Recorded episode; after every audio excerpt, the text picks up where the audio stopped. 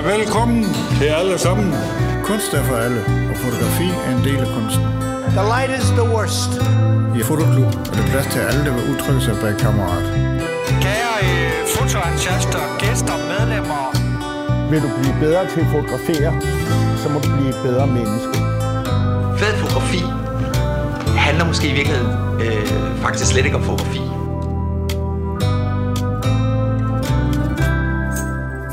Velkommen til Fotoklubben med Christian Klintholm og Kim William Katton.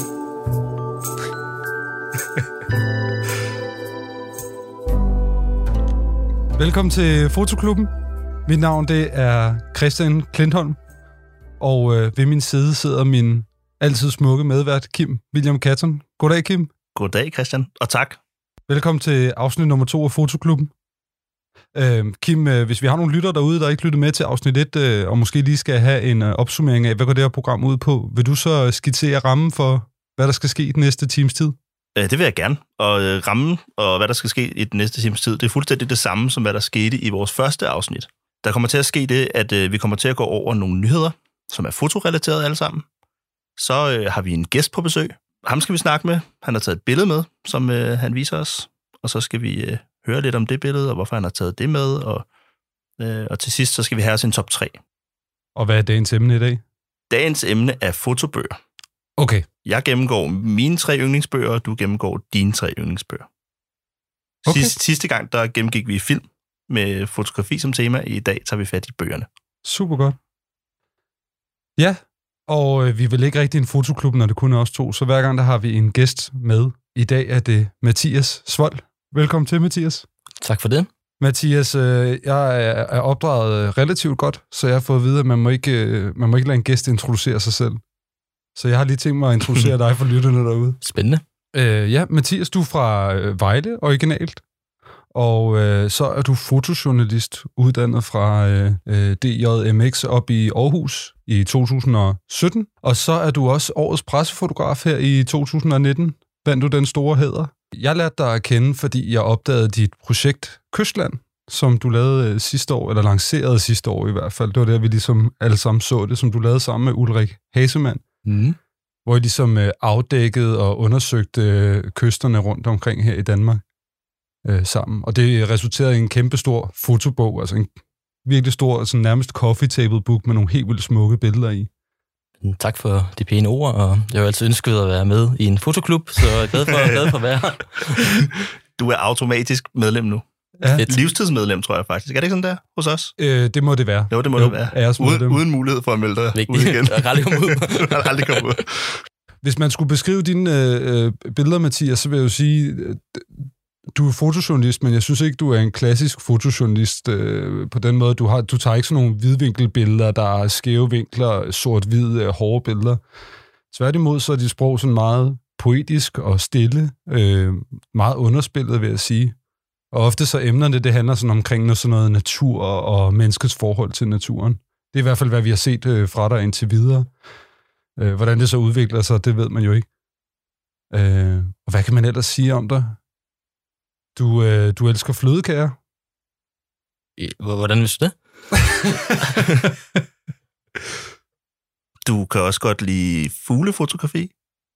Jeg elsker fugle. Fu- Jeg elsker fugle. Og jeg var aldrig, det er jo sådan min, altså, jeg ved ikke, jeg tænkte, hvis alt går galt, vil jeg gerne være fuglefotograf. Men så har jeg også tænkt over, at det er måske fuldstændig umuligt at blive fuglefotograf. Jeg ved ikke, hvordan man, man bliver det. Nej. Dig ind i en ja. fotoklub.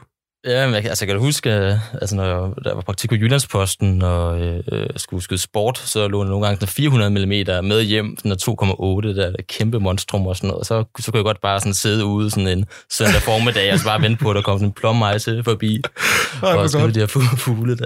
Det synes jeg jo. Der, jeg blev, der blev så glad, da jeg hørte det. Øh, hvor jeg hørte det fra, det kan vi jo finde ud af lige om lidt. Ja, Men det, det meget spændende.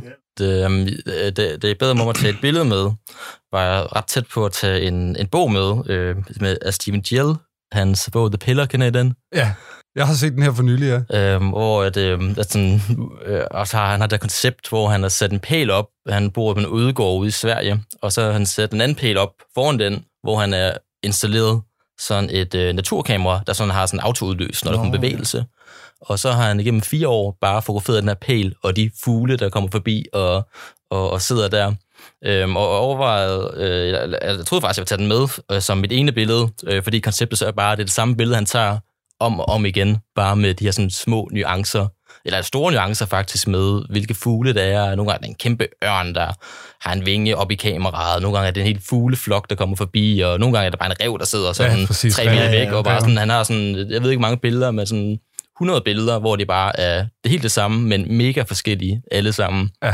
Og det synes jeg bare, det er totalt min yndlingsbog i, i, i 2019. Ja, og, den er fantastisk. Fedt, mand.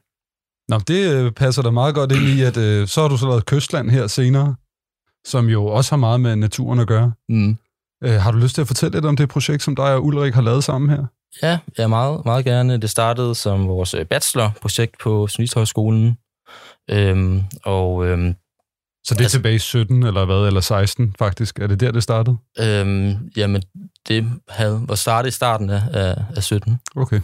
Og, øh, og egentlig så er altså kysterne, vi, synes, vi er jo begge sådan naturmennesker, og synes jo bare, det er noget af det, det fedeste, vi har i Danmark, og det er sådan noget, der er helt særligt for Danmark, at vi har en af de længste kystlinjer i Europa, selvom vi er en af de mindste lande, fordi det går så meget øh, øh, op og ned, og der er mange øer, og øh, sådan, så vi har sådan en helt sådan sindssygt lang kystlinje på sådan øh, næsten 8.000 øh, øh, kilometer. Tæller man, tæller man fjord, fjordene med? Ja, Fordi lige de, præcis. også, de har nogle dybe fjorde, ikke? Og sådan, ja. Lige, øh, øh, lige præcis. øhm. Så vi er sådan øhm, på meget måde sådan et, et kystland, der altid sådan har levet ved det. Vi har alle sådan en relation til det. Vi er opvokset ved den, eller været på ferie med den. Og vi har sådan en unik kystlinje, fordi at øhm, vi i, øh, et ret tidligt tidspunkt for 100 år siden lavede en lov om, at det skal være fri offentlig adgang til den. Så det er derfor, at der ikke sådan er, er masser af hoteller og huse sådan lige ned til vandet og sådan uden for byerne. Vi har de her frie kyststrækninger Endnu. endnu. Ja, lige præcis, mm. fordi det er jo sådan noget, der er, der er debat om sådan, øh, med års mellemrum med, at man skal lempe for det, fordi at øh, udkants øh, kommuner også skal have mulighed for at skabe vækst og bygge hoteller, og, og der er også nogle gode argumenter for imod eller sådan noget, men vi synes i hvert fald, om ikke andet, vi, vi vil ikke lave sådan en super politisk bog, men vi vil bare sådan gå op i helikopterperspektiv og sige, hvad er det egentlig i første omgang, der gør, mm. at vi har det tætte forhold til det, og hvad er det sådan, vi måske også sådan skal beskytte og passe på til fremtidige generationer. Så egentlig, hvad er det egentlig, kysten betyder for os? Mm-hmm. Og så sådan helt kort og konkret, så rejse til rundt i hele landet og øh, bare møde mennesker og, øh, og møde folk og snakke om, hvad deres forhold til naturen var. Og øh, både sådan for erhvervslivet og fritid, og også sådan mere sådan ren naturbilleder, øh, billeder, og prøve sådan at lave sådan et diversitetsbillede af, hvad, hvad kysten er. Mm-hmm. Nej, hvor fint. Det var en god forklaring Ja, på bogen Kystland. jeg, jeg tænker meget på sådan, øh, hvordan I rent teknisk er gået til værks ved at være sådan en duo, der er ude og lave det her projekt sammen. Øh, jeg, jeg ved ikke, hvilket kameraudstyr I har brugt, og det er måske også sådan sekundært i forhold til at snakke om sådan øh, projektets... Så bliver det en øh, rigtig fotoklub, det her. Jo, jo, jo, men, men, men, men, men, men i hvert fald kunne jeg godt tænke mig at spørge, øh, om I sådan, har I hver især taget billeder, og har I den vej igennem ligesom opnået et billedsprog, som er så forenligt, som det er, det man ser i Kystland, fordi det kunne godt være taget af én person, Ja. eller to mennesker, der sammen har stillet et kamera op. Ja. Den Og- ene og- trykker på udløseren, Ja. og den anden fokuserer. Ja, ja, altså ligesom da jeg fik min første computer, og vi var to kammerater, der skulle spille Doom, så måtte man dele det op, og så var der en, der kunne gå rundt med piltasterne, og en, der kunne skyde på space. Ja, Ja, ja. Hvordan har I, hvad, har I, hvad har I gjort øh, sådan en ro- rollefordeling i det her projekt? Øhm, jamen, øhm, altså, vi har jo som... Øhm, vores koncept er jo, at vi har samme fælles spejlejen, og vi gerne vil have et helt fælles sprog, som folk ikke ved, hvem der har fotograferet øh, øh, hvad. Så sådan lidt sådan, den måde, vi sådan praktisk greb an på, var, at vi lavede lidt sådan en scrapbook, eller moodboard, eller hvad man, hvad man kalder det i dag, hvor Ja. vi bare samlede en hel masse materiale ned sammen, og sagde, okay, det her billede, det har et motiv, det vi synes, det kunne være passe den her historie, eller det havde også været noget teknisk, eller en stil, eller en, en følelse, og så lavede vi sådan et, en scrapbog, som, som vi ligesom sagde, det er den her stemning, vi gerne vil ramme i det, og så har vi sådan et reference, referencepunkt, når vi øh, er ude, sådan både sådan hver for sig, men også når vi er sådan sammen, kan vi sådan, altså, have det som en form for samtale om, hvad for en øh, stemning, vi, vi, vi gerne vil ramme. Og, så i starten af sammen med Rold var vi ude på samme tid, Øhm, og, så, øhm, og så kan det altså, faktisk være sådan næsten sådan øh, Doom, øh, det blev spillet, Ja, ja. Altså, hvor at der er jo en, der har fundet ud af, at det kunne være fedt at tage et billede herover, så den anden, der sætter det op, Og så øh, er den, altså ikke fordi noget, den bliver aftaler, men så over han noget andet, og så retter man lidt til og sætter skarpt, og så er der en, der trykker på, på, ud, på udløseren. Øh, så næsten, så var den sådan nærmest starten, at, at der var sådan en enhed, og,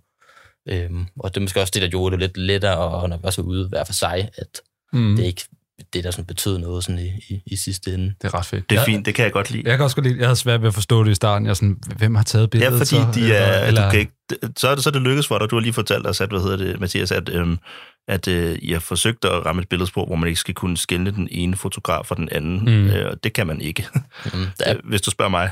Så det er godt gået. Det, det, det er sejt. Altså, der er billeder, hvor vi ikke ved, hvem der har taget det. Altså, fordi ja. vi sådan har haft, altså, bare samlet alle vores film. Ja. Og så på en tidspunkt, så har vi ikke sådan... Øh, normalt kan man måske huske rækkefølge, eller sådan. Der er nogle film, hvor, hvor vi sådan ikke, sådan, faktisk ikke selv ved det. Åh, oh, fedt. Fedt. Ja? Det er fedt. Øhm, Mathias, vi har fået et spørgsmål fra en af vores lyttere til dig. Vi stillede ud på vores Facebook-side i går. Vi skal have Mathias Vold derinde. Er nogen, der har et spørgsmål? Og øh, jeg ved ikke, hvordan man udtaler dit navn, kære lytter. Undskyld. Keen? Keen? Det er Keen. Keen? K-E-E-N? Ja, det er Keen. Øh, vil meget gerne høre fra dig, hvilket råd vil du have givet dig selv for 10 år siden?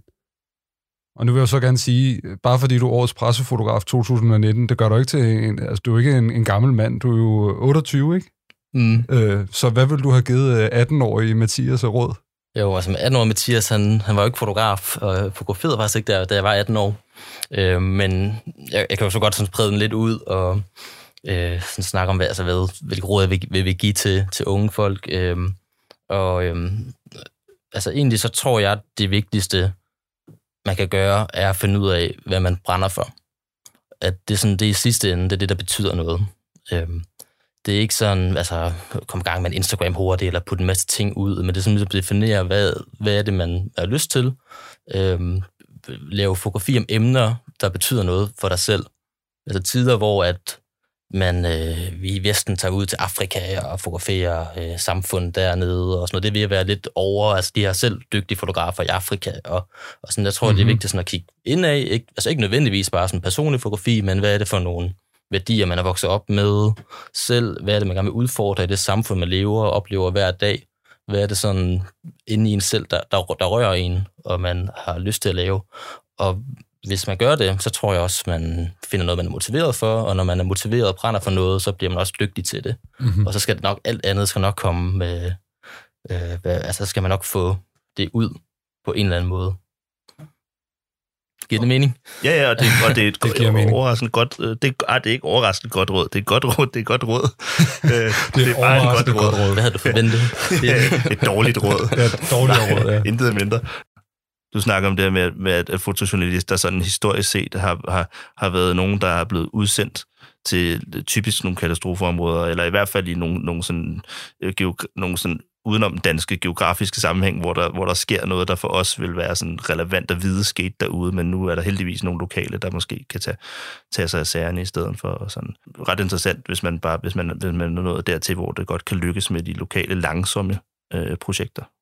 Er det din opfattelse, at, man sådan, at det er sådan, der er flere end dig her i lille Danmark, der arbejder på den måde, også de yngre ja, fotojournalister? Jamen helt sikkert. Det tror jeg, det tror jeg helt sikkert. Øhm, øh, jamen jeg ser helt klart sådan en, en tendens til sådan, altså både langsom fotografi, men også sådan, det vender mere indad.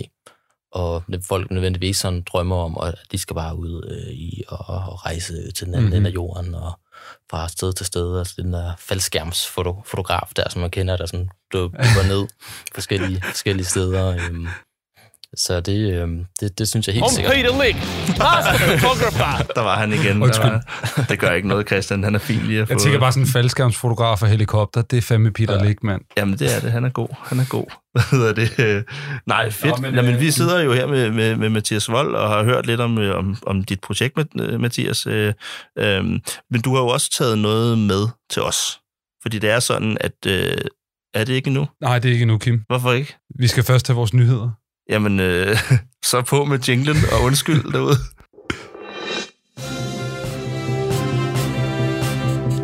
Da, da, da, da.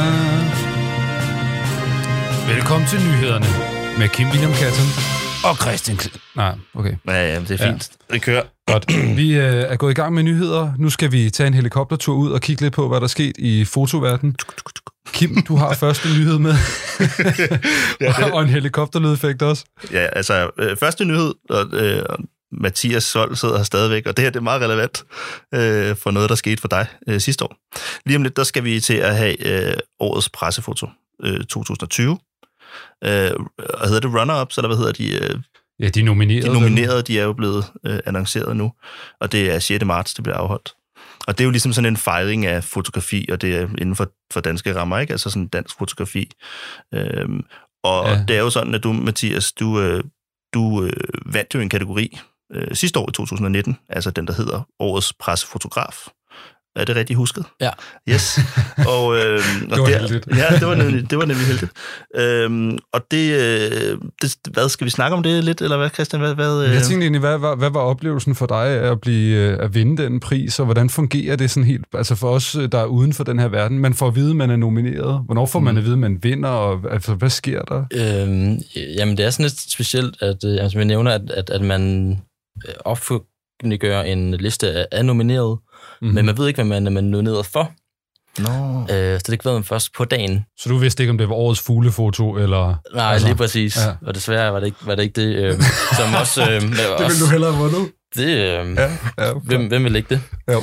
øh, men øh, det er også, også derfor, man har lidt, altid holdt lidt en dårlig taler, fordi man aner, aner ikke, hvad man øh, skal op og, og modtage for og sådan noget. Så det er sådan... Øh, så det, det, er, det er også meget hyggeligt. Så, øh, som min gamle chef sagde, så går alle, alle folk går, og tror, at de har taget årets pressefoto, øh, fordi man ikke ved, hvad man er, ikke? Så er det sådan ligesom, så kan man drømme om alt muligt og sådan Ja. noget, og så er det, altså, er det altid noget andet, end man tror, man er nomineret for, og sådan noget. Så det er også, øh, så det, det, det, det er sjovt og lidt specielt. Så man får det at vide på, på dagen for overrækkelsen. Ja, når man skal op og modtage prisen, så får man vide, hvad når det er. du modtager den. Så det er ligesom ja. Ja. Oscars, hvor sådan, de siger det i mikrofonen. Ja, ja, og så, ja, præcis. hvad? Øh, men der ved de for selv, hvad, hvad de er nomineret for i Oscars, ikke? Altså, så det Ja. ja. kunne du, du aner ikke, når nogen kommer op og præsenterer en kategori, og skal udgive prisen, så aner du ikke, om du er med i den kategori, eller Nej. om du vinder den, eller... Ja. Eller om det er sportsreportage, eller... Ja. Men, men, så vandt, men så vandt du årets øh, pressefotograf. Ja. Ja. Og det er jo, en, en, en, lyder det som i hvert fald, en, en kategori, som er lidt bred i den forstand, at du har, du har vundet en pris for dit sådan virke, og ikke bare for et enkelt billede, eller for en enkelt Ja, serie. det er sådan, konkret er det sådan, det er fem billeder, man sender ind. Ja, Øhm, så det er sådan et mini-mini-portfolie, kan man sige. ja præcis. Ja. Jamen, det er fint. Og hvad hedder det? Øh, efterfølgende så blev du, jeg sidder her med en, med en artikel for, for journalisten, øh, branchebladet, journalisten der, ikke? og der, hvad hedder, der, der, der, der siger du nemlig, jeg er meget overrasket, oprigtigt meget overrasket. Det er åbenlyst en ny stil, som dommerne har valgt, og det er virkelig et sats. Er du Det kan jeg citeret overhovedet, Det- ikke huske. det du i hvert fald ikke huske, jeg. Det, du, det, det, det, du citerede for at sige Ja. her til, til journalisten. Og det... Øh, Jamen, så kan vi jo prøve sammen at tolke. Hvad har du mm. Ment, da du ja. Sagde det? Ja, Ja. ja. Jamen, jamen, jamen det, det ved jeg godt. Øh, altså i mange år, så har øh, den pris været altså, meget sådan nyheds øh, journalistisk øh, baseret på, at altså, man, kan, man, kan, man kan faktisk sige på den måde, at, at der var sådan på den måde lidt sådan en formel på, hvordan man vandt den kategori hvor man havde sådan et nyhedsbillede udland, med sådan helst noget, eller noget katastrofe, eller noget sådan i hvert fald meget vigtig nyhed, og også i Danmark vigtig nyhed, og et øh, portræt, Øhm, og så kan det være, man, og så et hverdagsbillede, for dem der bare er sådan et hyggebillede, og så et femte, og det, det kunne måske også være nyhedsbillede, eller sådan noget. Det, Ja. Men det er næsten sådan mere eller mindre den formel, man, man havde. Øhm, men det er også sådan gjort, at det er eksempel svært for mange freelancer, som ikke laver store øh, udlandsnyhedshistorier, og sådan på være med på den. Så, så, så jeg har ikke lige tal på det, men det var sådan næsten altid sådan øh, fastansatte fotografer på aviser, der laver meget udland og nyhedsjournalistik, øh, øh, journalistik, som er vandt den kategori. Ja. Så altså, det er lige før, man på en eller anden måde har haft en fem navne, eller sådan noget. Der, altid, der vil altid være tre eller fem navne, der vil kunne vinde den pris. Fordi at det er jo dem, der bliver sendt ud og lavet det, og, Mm. og, og, og, og mega dygtige. Og så er det jo ikke... Fordi Ja, ikke dem, noget der. dem, der vundet der. der, de er også sådan vildt- fuldt fuld fortjent. Øhm. Så det, jeg tror egentlig, man ændrede reglerne her øh, sidste år, det er vandt, hvor at det, øh, jeg ved ikke lige, formuleringen var, men, men det var sådan noget med, at det også handler om den visuelle stil og en visuel sammenhæng i det, så man egentlig sådan sagde, at det er ikke sådan bare som den her formel, og man har sådan et bestemt sådan indholdskriterier, men det er mere sådan bredt fortolket for juryen, hvor juryen så egentlig selv egentlig på mange måder kan bestemme, hvad er det, skal vi hylde en, der har en særlig stil, eller en, der har klassisk nyhedsfotografi. Øhm, og det er også derfor, jeg vil aldrig kunne have vundet for to år siden. ah, Aldrig nogensinde. Nej, fordi du tager stille fotografi, altså et eller andet sted, ikke? Altså, Jo, og, og, og, og, og, øh, og måske også det modsatte af, hvad du lige øh, sagde før, Mathias. Altså, du, altså, at tidligere har, har vennerne øh, typisk kunnet præsentere sådan et port, portfølje, der dækkede både indlands og udlands og portræt og det hele. Så det lyder også lidt som om, at dommerpanelet i hvert fald i 2019 har grebet lidt af den, øh, hvad skal man sige, øh, ting, som du også har snakket om, er oppe i tiden i øjeblikket. Mm. Hos, I hvert fald hos dig og andre øh, øh, pressefotografer. Ja, fordi det, er sådan, det, som jeg i hvert fald synes øh, kan være udfordringen med vores pressefoto, er, at den er meget baseret til at være det er en avis-konkurrence, Ja. stort set. Altså også bare på den måde, man har et, altså kategorierne, det er en billedserie på otte billeder, som man måske typisk har, hvis man er ude på at lave en udlandsreportage som øh, øh, fotograf på en, på en avis, og så skal hjem, og så har man et par opslag, og det er ligesom sådan, det er, den, det, er det format, der er. Men altså, hvor at, at, hvad ved jeg, hvis der er en, som der nu laver en helt vildt fantastisk bog, som man ikke nødvendigvis kan komprimere ned på otte billeder, men skal opleve sin en helhed, og det er dokumentarisk, og det er vigtigt, så vil sådan et sådan noget der, det vil ikke kunne passe ned i de her, den her kasse, det her format. Øhm, og øhm, og der, der, der tror jeg ligesom, at der er vil sådan være opblødet lidt på nogle måder, ved sådan, at man måske i hvert fald i forhold til sådan, den visuelle stil blevet lidt mere op i, hvad, hvad for en, øh, kan man sige, for en, den formmæssige kan man ligesom acceptere, mm. for at kunne vinde priser nu. Øh, men hvor jeg også igen stadig vil ønske, at det måske kunne, øh, i stedet for at man måske havde en års pressefotograf ud på fem billeder, at man kunne blive nomineret af nogen af mange grunde. At Mm. Man har lavet ja. Ja. en fantastisk udendørsudstilling, der har nået ud til tusindvis af mennesker og fortalt mm. en vigtig historie, eller det er en artikelserie, man laver over længere tid, eller så man, man ligesom kunne brede, brede det ud til ligesom at have alle mulige platforme, eller hvad, en Instagram-account, man har lavet, eller mm-hmm. hvad ved jeg. øh, Det, det er i hvert fald noget sådan, der, ej, det kunne være spændende. Ja. ja. vil, vil, Det vil, ville være vil en sjov udvikling i hvert fald. Spændende udvikling i Øh, hvert fald. sp- spændende udvikling, og, og, og, og nu er det nyhedsindslaget, vi sidder i. Vi igen kommer til at fordybe os i en samtale med dig, Mathias, så det er dejligt. Øh, og, og nyheden var jo egentlig i virkeligheden, at, øh, at her i 2020, så skal vi jo lige om lidt, Ja. ja. 6. marts, igen til det. Mm. Og så må vi jo bare se, øh, om det er sådan et, et, et decideret, ligesom sådan, for at bruge et meget mægtigt ord, et paradigmeskifte, der er ved at ske, og at, at, at årets stopperpanel ligesom også lægger mærke til nogle af de her ting, som de til synligheden har gjort i, i 19 eller om, om, om det ligesom var en engangsting for dommerpanelet dengang. Det ved jeg ikke nok om. Du kunne sikkert ja, godt, godt men, svare på Men det. dommerpanelet skifter jo selvfølgelig også, ikke? så det kan også godt bare være en tendens inden for panelet. Ikke? Jamen, det, det, det, det. synes jeg også er en god pointe, Christian, det der med, man, altså, og jeg vil også sige, sådan forhold til 2019, er der både sådan var lidt sådan debat om min pris som årets pressefotograf, årets pressefoto, øhm, øh, er nogle af de grunde, jeg snakker om her. Men jeg synes egentlig, når man ser på, på de andre kategorier, så, så var det overhovedet ikke, fordi det var sådan nogle kunstbilleder, eller der var sådan egentlig sådan super klassisk sidste år også, Ja. øhm, på rigtig mange øh, kategorier, når man så på det sådan, øh, øh, samlet. Øhm, så det, det synes jeg også, man skal have i mente. Ikke? Og så netop også, at det er bare forskellige juryer og forskellige prioriteter. Det er jo aldrig fem mennesker, som en ting, som er fem andre mennesker, vil det være helt sikkert være helt anderledes mm. Og nogle andre billeder. Øhm, og så de sidste kommentarer til det, så er det også, at jeg sådan ser en tendens til, at der er flere freelancer med i Nå. juryen. Øh, hvor det måske var mere av- avisorienteret og journalister og sådan noget. Så ser man i hvert fald flere og flere øh, øh, freelancere. Og det tror jeg også kommer til at have en betydning for, hvad der, hvad der bliver, bliver valgt. Men det må det uundgåeligt. Hov, Hvad er det? at det er en fashion alert, Kim. Den kan jeg godt huske fra første afsnit. Kan du virkelig det? Det kan jeg godt. Okay. Det er en fashion alert. Yes. Kom så. Fashion alert. Fashion alert. Fashion alert. Altså nu kan Mathias vidne, at vi sidder live og laver de her lyde ind over. Ja, det er stærkt. I stedet for at producere jinglet på forhånd. Oh. No, no, no. Nå, vi skal til det igen. Øh, modeverden har lavet en fy-fy. Eller, den her gang er det faktisk måske ikke en fy-fy, det skal vi lige diskutere.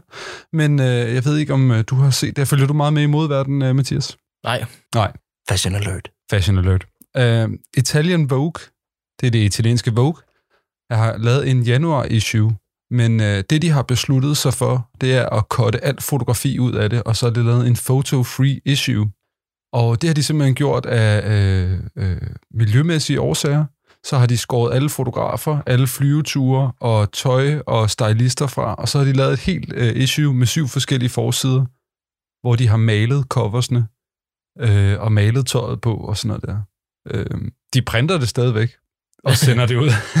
der har de ikke sparet penge. Nej. Men altså, man kan, man kan jo ikke... øh, Der, der er sygt mange udgifter øh, og, og transport i sådan nogle der issues, når de skal lave øh, en fotoserie. Det er der ikke nogen tvivl om. Men, øh, men det har de simpelthen lavet, altså, og vi kan jo så diskutere, det er nok mere et statement, end det egentlig er noget, der rent faktisk øh, gavner noget. Og jeg vil opfordre alle til at gå hjem og søge det. Øhm, og ellers gå ind på vores Facebook, fordi så lægger vi billedet op Ja, der. det skal vi nok gøre. Men jeg synes, at det er et vildt øh, statement. Ja. Altså, for det er et statement, der, der, der piller, en, der piller en, en lang række mennesker fra, fra lønningslisterne. Jeg tror ikke helt, jeg forstår... Jamen, det, er jo, det er jo fedt, fordi førhen, fotografer, de skulle altid være bange for at miste deres job til stokfoto, Ja, eller, eller, eller journalister med mobiltelefoner. Nu skal de også være bange for at miste jobbet til en uh, maler. en, en maler. Ja, det er sådan helt... Øh, Bare en maler. okay. Jamen, det ved... Ja. Det ved jeg ikke, hvad jeg skal sige til. Men er det en, er det en god eller en dårlig ting, det her? Hvad tænker, hvad tænker du, Mathias? Øhm, men jeg, jeg undrer mig bare lidt. Altså nu, nu ved jeg ikke helt, hvordan sådan et shoot foregår, men hvis man bruger en lokal fotograf, Jamen, der det er jo ikke tit skal noget, vi- flyves rundt. Nej, det gør de ikke. De tager sådan noget, Øhm. så flyver de til Portugal, og så sender de fotografen og tre stylister og fem modeller med og sådan noget der, ikke? Øh, men øh, jeg, kan, jeg godt fordi, at, at, altså, jeg tror ikke, jeg forstår, altså hvis, altså hvis kan man ikke bare tage en fotograf i Portugal så, hvis det er Portugal, der skal foregå, og en model i Portugal, Det vil være en god løsning Og- på problemet. øh, og så skal man tænke på de miljøudgifter, der er med maling, altså det kan vel heller ikke være helt CO2-neutralt, det her. Nej, nej, nej, det er det. Oliemaling, sikkert. Nej, det ved jeg ikke. Det, men det er da fuldstændig rigtigt. Det er da en god point. Det var for ikke alliere sig med noget, hvis det er det, det handler om, med nogle lo- lokale kræfter. Det vil da også være en smart og fin måde at, at injekte nogle penge ind i, øh, i, nogle, i nogle forskellige... Øh, Det er jo ret sjovt, fordi de her billeder skal jo sælge tøj selvfølgelig og mode, ikke? Men så Jo. har man jo malet tøjet, ikke? Det er jo også lidt... så man prøver at skulle gengive det så godt som muligt. Altså. er der noget, som vi... Altså, som jeg... Er der, er der et eller andet her, som har at gøre med en sådan retroperspektiv-agtig fasong at, at, at lave modemagasiner på? Er det sådan et, er det sådan et nik til, Jeg- jeg- til hvad man plejede at gøre, før man... Nej, jeg vil sige, kunstnerisk er det ret flot, synes jeg selv. Altså det ja. Ja. der med, at forsiden lige pludselig er et malet fotografi-agtigt. Altså at man har skulle prøve at forestille sig et fotografi. Jeg synes, det er ret flot. Okay. Men der er jo ikke nogen tvivl om, det her det er, jo et PR-stunt, mere ja, Ja, end det er noget andet, ikke? Nej, jeg synes, det er også en interessant tanke som, som et kunstværk et eller andet sted, at man sådan forventer, der, der er foto, og så er det altid, når man så møder noget, man ikke forventer, så reflekterer man, hvad sker der her? Nå, okay, men det er på grund af klimaforandringer eller CO2 ned og sådan noget. Det er jo sådan på den måde, som, som isoleret set som et, et kunststunt eller sådan noget, der synes jeg, der har noget værdi, og helt sikkert noget, der godt kan sætte nogle, nogle, nogle tanker i gang. Øhm, Pengene går til, øh, altså de penge, der ikke er blevet brugt, de er blevet doneret til øh, øh et restaurationsprojekt i Venedig, som har været øh, meget ramt af, øh, hvad hedder sådan over, overflooding, hvad hedder det på dansk? Øh, høje vandstande og sådan nogle ting. Nå, ja, okay. Så, det, så det går til, til Venedig simpelthen, øh, projektet her. De penge, der er til års. Så dem... Okay. Det er lidt skørt. Det er lidt en Robin Du har den Hood-taktik. største rynke i ansigtet Det nogensinde. er fordi, jeg ikke ved, hvad jeg skal synes om det. Jeg er sådan, på den ene side forstår jeg godt, hvad, hvad, også hvad Mathias sagde før, i forhold til, at der er, altså jeg kan sagtens se det her som et, et slags stunt, hvor man stiller spørgsmål til nogle ting, der sker i ens Ja. øh, branche, set fra magasinets side. På den anden side, så er det sådan en, lidt for, forkert øh, Robin Hood-situation, synes jeg, hvor, hvor der er en eller anden, der går ind og tager nogle penge, som skulle have været nogle fotografers penge, og så propper dem ned i lommen på nogen, der har været udsat for en naturkatastrofe. Ja, yeah. der er også mange, der har Altså, kritiseret på at- Twitter over, at de siger, at de kunne jo også bare lade være med at printe. Altså Jamen, print koster jo rigtig, rigtig meget, ikke også? Jo. Jeg er forvirret.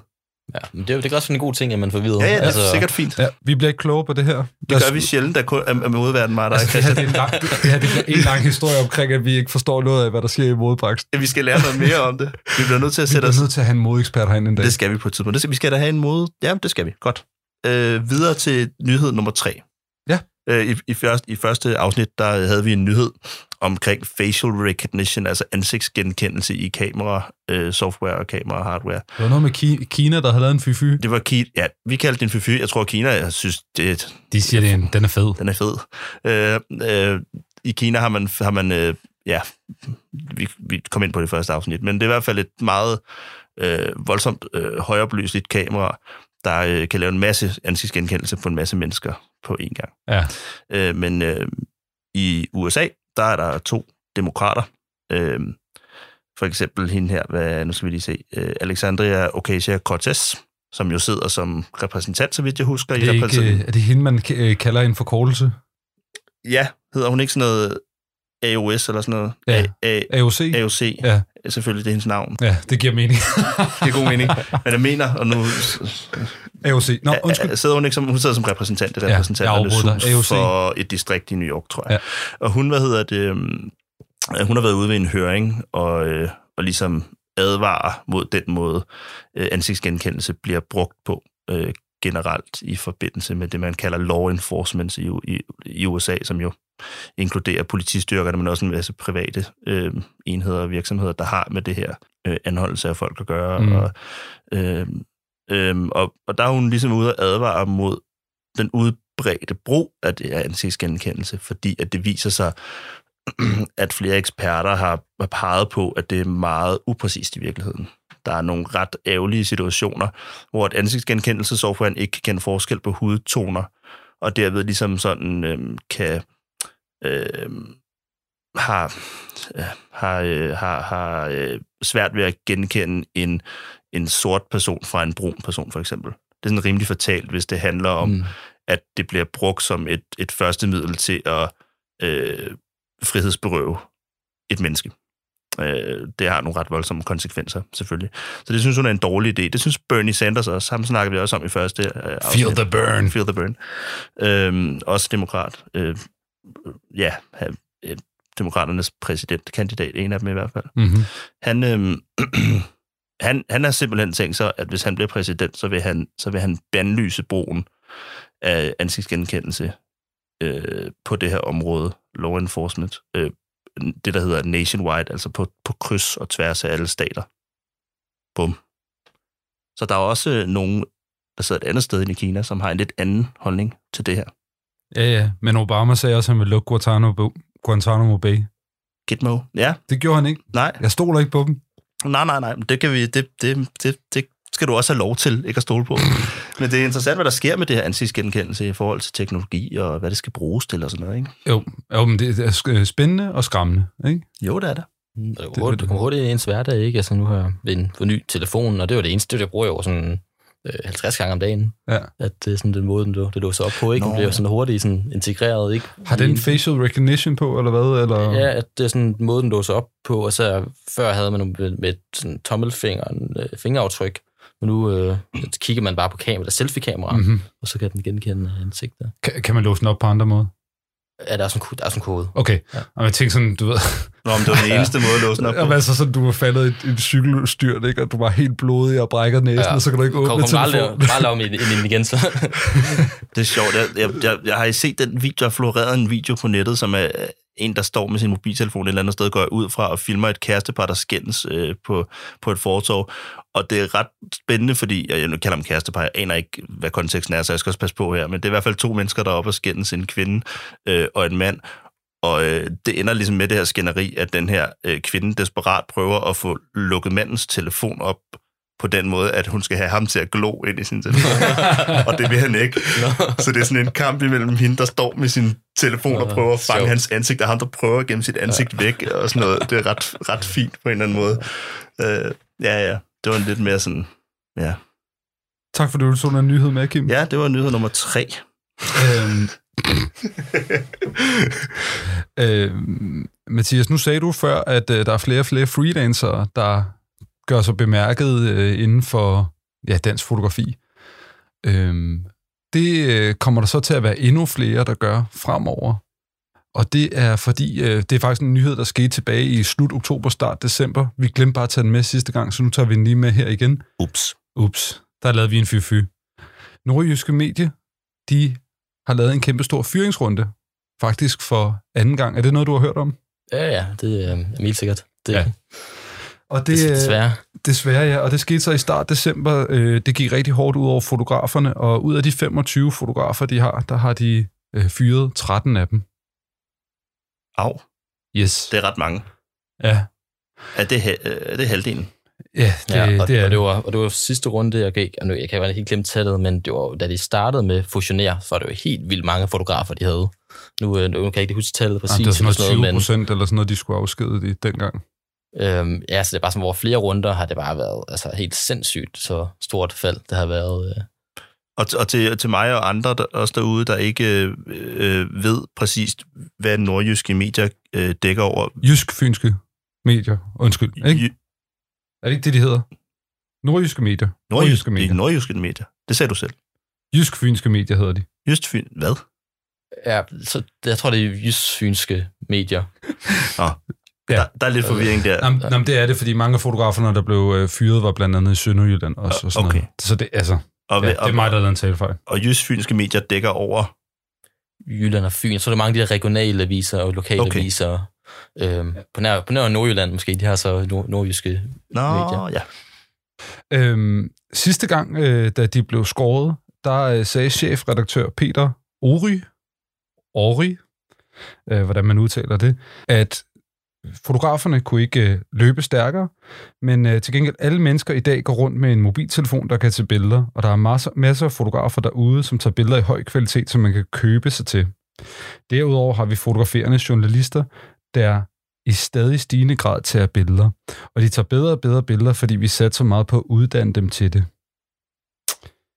Og så går han videre og snakker om, at man ikke skal have så mange specialister, men generalister i fremtiden. Det er en chefredaktør, der er presset, der siger det her. Hmm. Nu sidder vi her med årets pressefotograf 2019. Hvad tænker du om den her udvikling?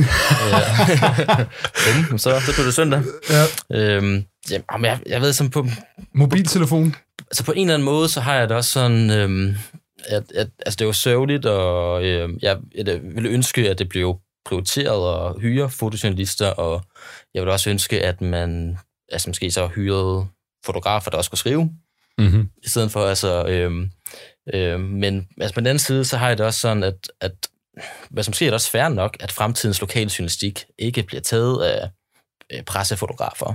At øh, måske er det fair nok, at der kommer en journalister, der kan tage billeder, og, og fair nok i lokale sammenhæng, at, at folk selv laver mobilbilleder. Øhm, så skal vi jo bare finde ud af også fotografer tilbage, hvordan er vi så relevante? Mm-hmm. Er det så måske øh, skal vi så bruge vores energi på at lave større sammenhængende projekter, der kan sætte øh, spørgsmål til samfundet og øh, mm-hmm. arbejde med fotografi på, øh, på at lave sådan researchet, dybdegående ting, i stedet for at kunne lave, måske kunne lave videoer, øh, i stedet for sådan at kæmpe efter noget, der måske er sådan lidt tabt i forvejen, at, at måske Fordi det, Jeg- det fastansatte job som fotograf, det er en illusion. Altså, det... Øhm, ja, men, altså, måske ikke, men det kan godt være sådan om nogle år, at, man, at det begynder at ansætte flere og flere, der måske fordi man også godt kan lave video, eller Mhm. mm-hmm. explainer, grafik og, og sådan noget. Det tror jeg sådan set, at jeg tror, at fremtiden er mega visuel, og nok skal komme jobs. Øhm, Og det blev I uddannet i på Journalisthøjskolen, ikke? Altså også i at lave video. ja, og der, der er sådan et, et video for forløb Okay. øh, øh, der. Øhm, men øh, jeg tror også godt, man kunne også øh, uddanne folk til at blive endnu mere sådan skarp på, hvad ja. Er det for en type video, der er sådan, altså, der bliver, ja, bliver klikket meget på, og øh, vil lave explainer-videoer og sådan noget, men øh, det, er en- det er en anden snak. Men jeg ved, altså, jeg mener bare det der med, at, at i stedet for, at man kæmper på at holde fast i noget, der måske er ved at slippe væk, at det er ikke sådan, at vi skal bruge ikke al min energi på at prøve at blive lokal fotograf og tage lokale billeder, men vi hellere bruge energien på at se fremad og se, hvor er der for nogle behov i fremtiden, der er vigtige, og så måske bare på et eller andet sted sådan at acceptere, okay, så det bliver mere demokratisk at være fotograf, og måske skal der ikke være en fotojournalist, der tager hvert eneste billede, man ser som menneske, vel? Øh. Nej.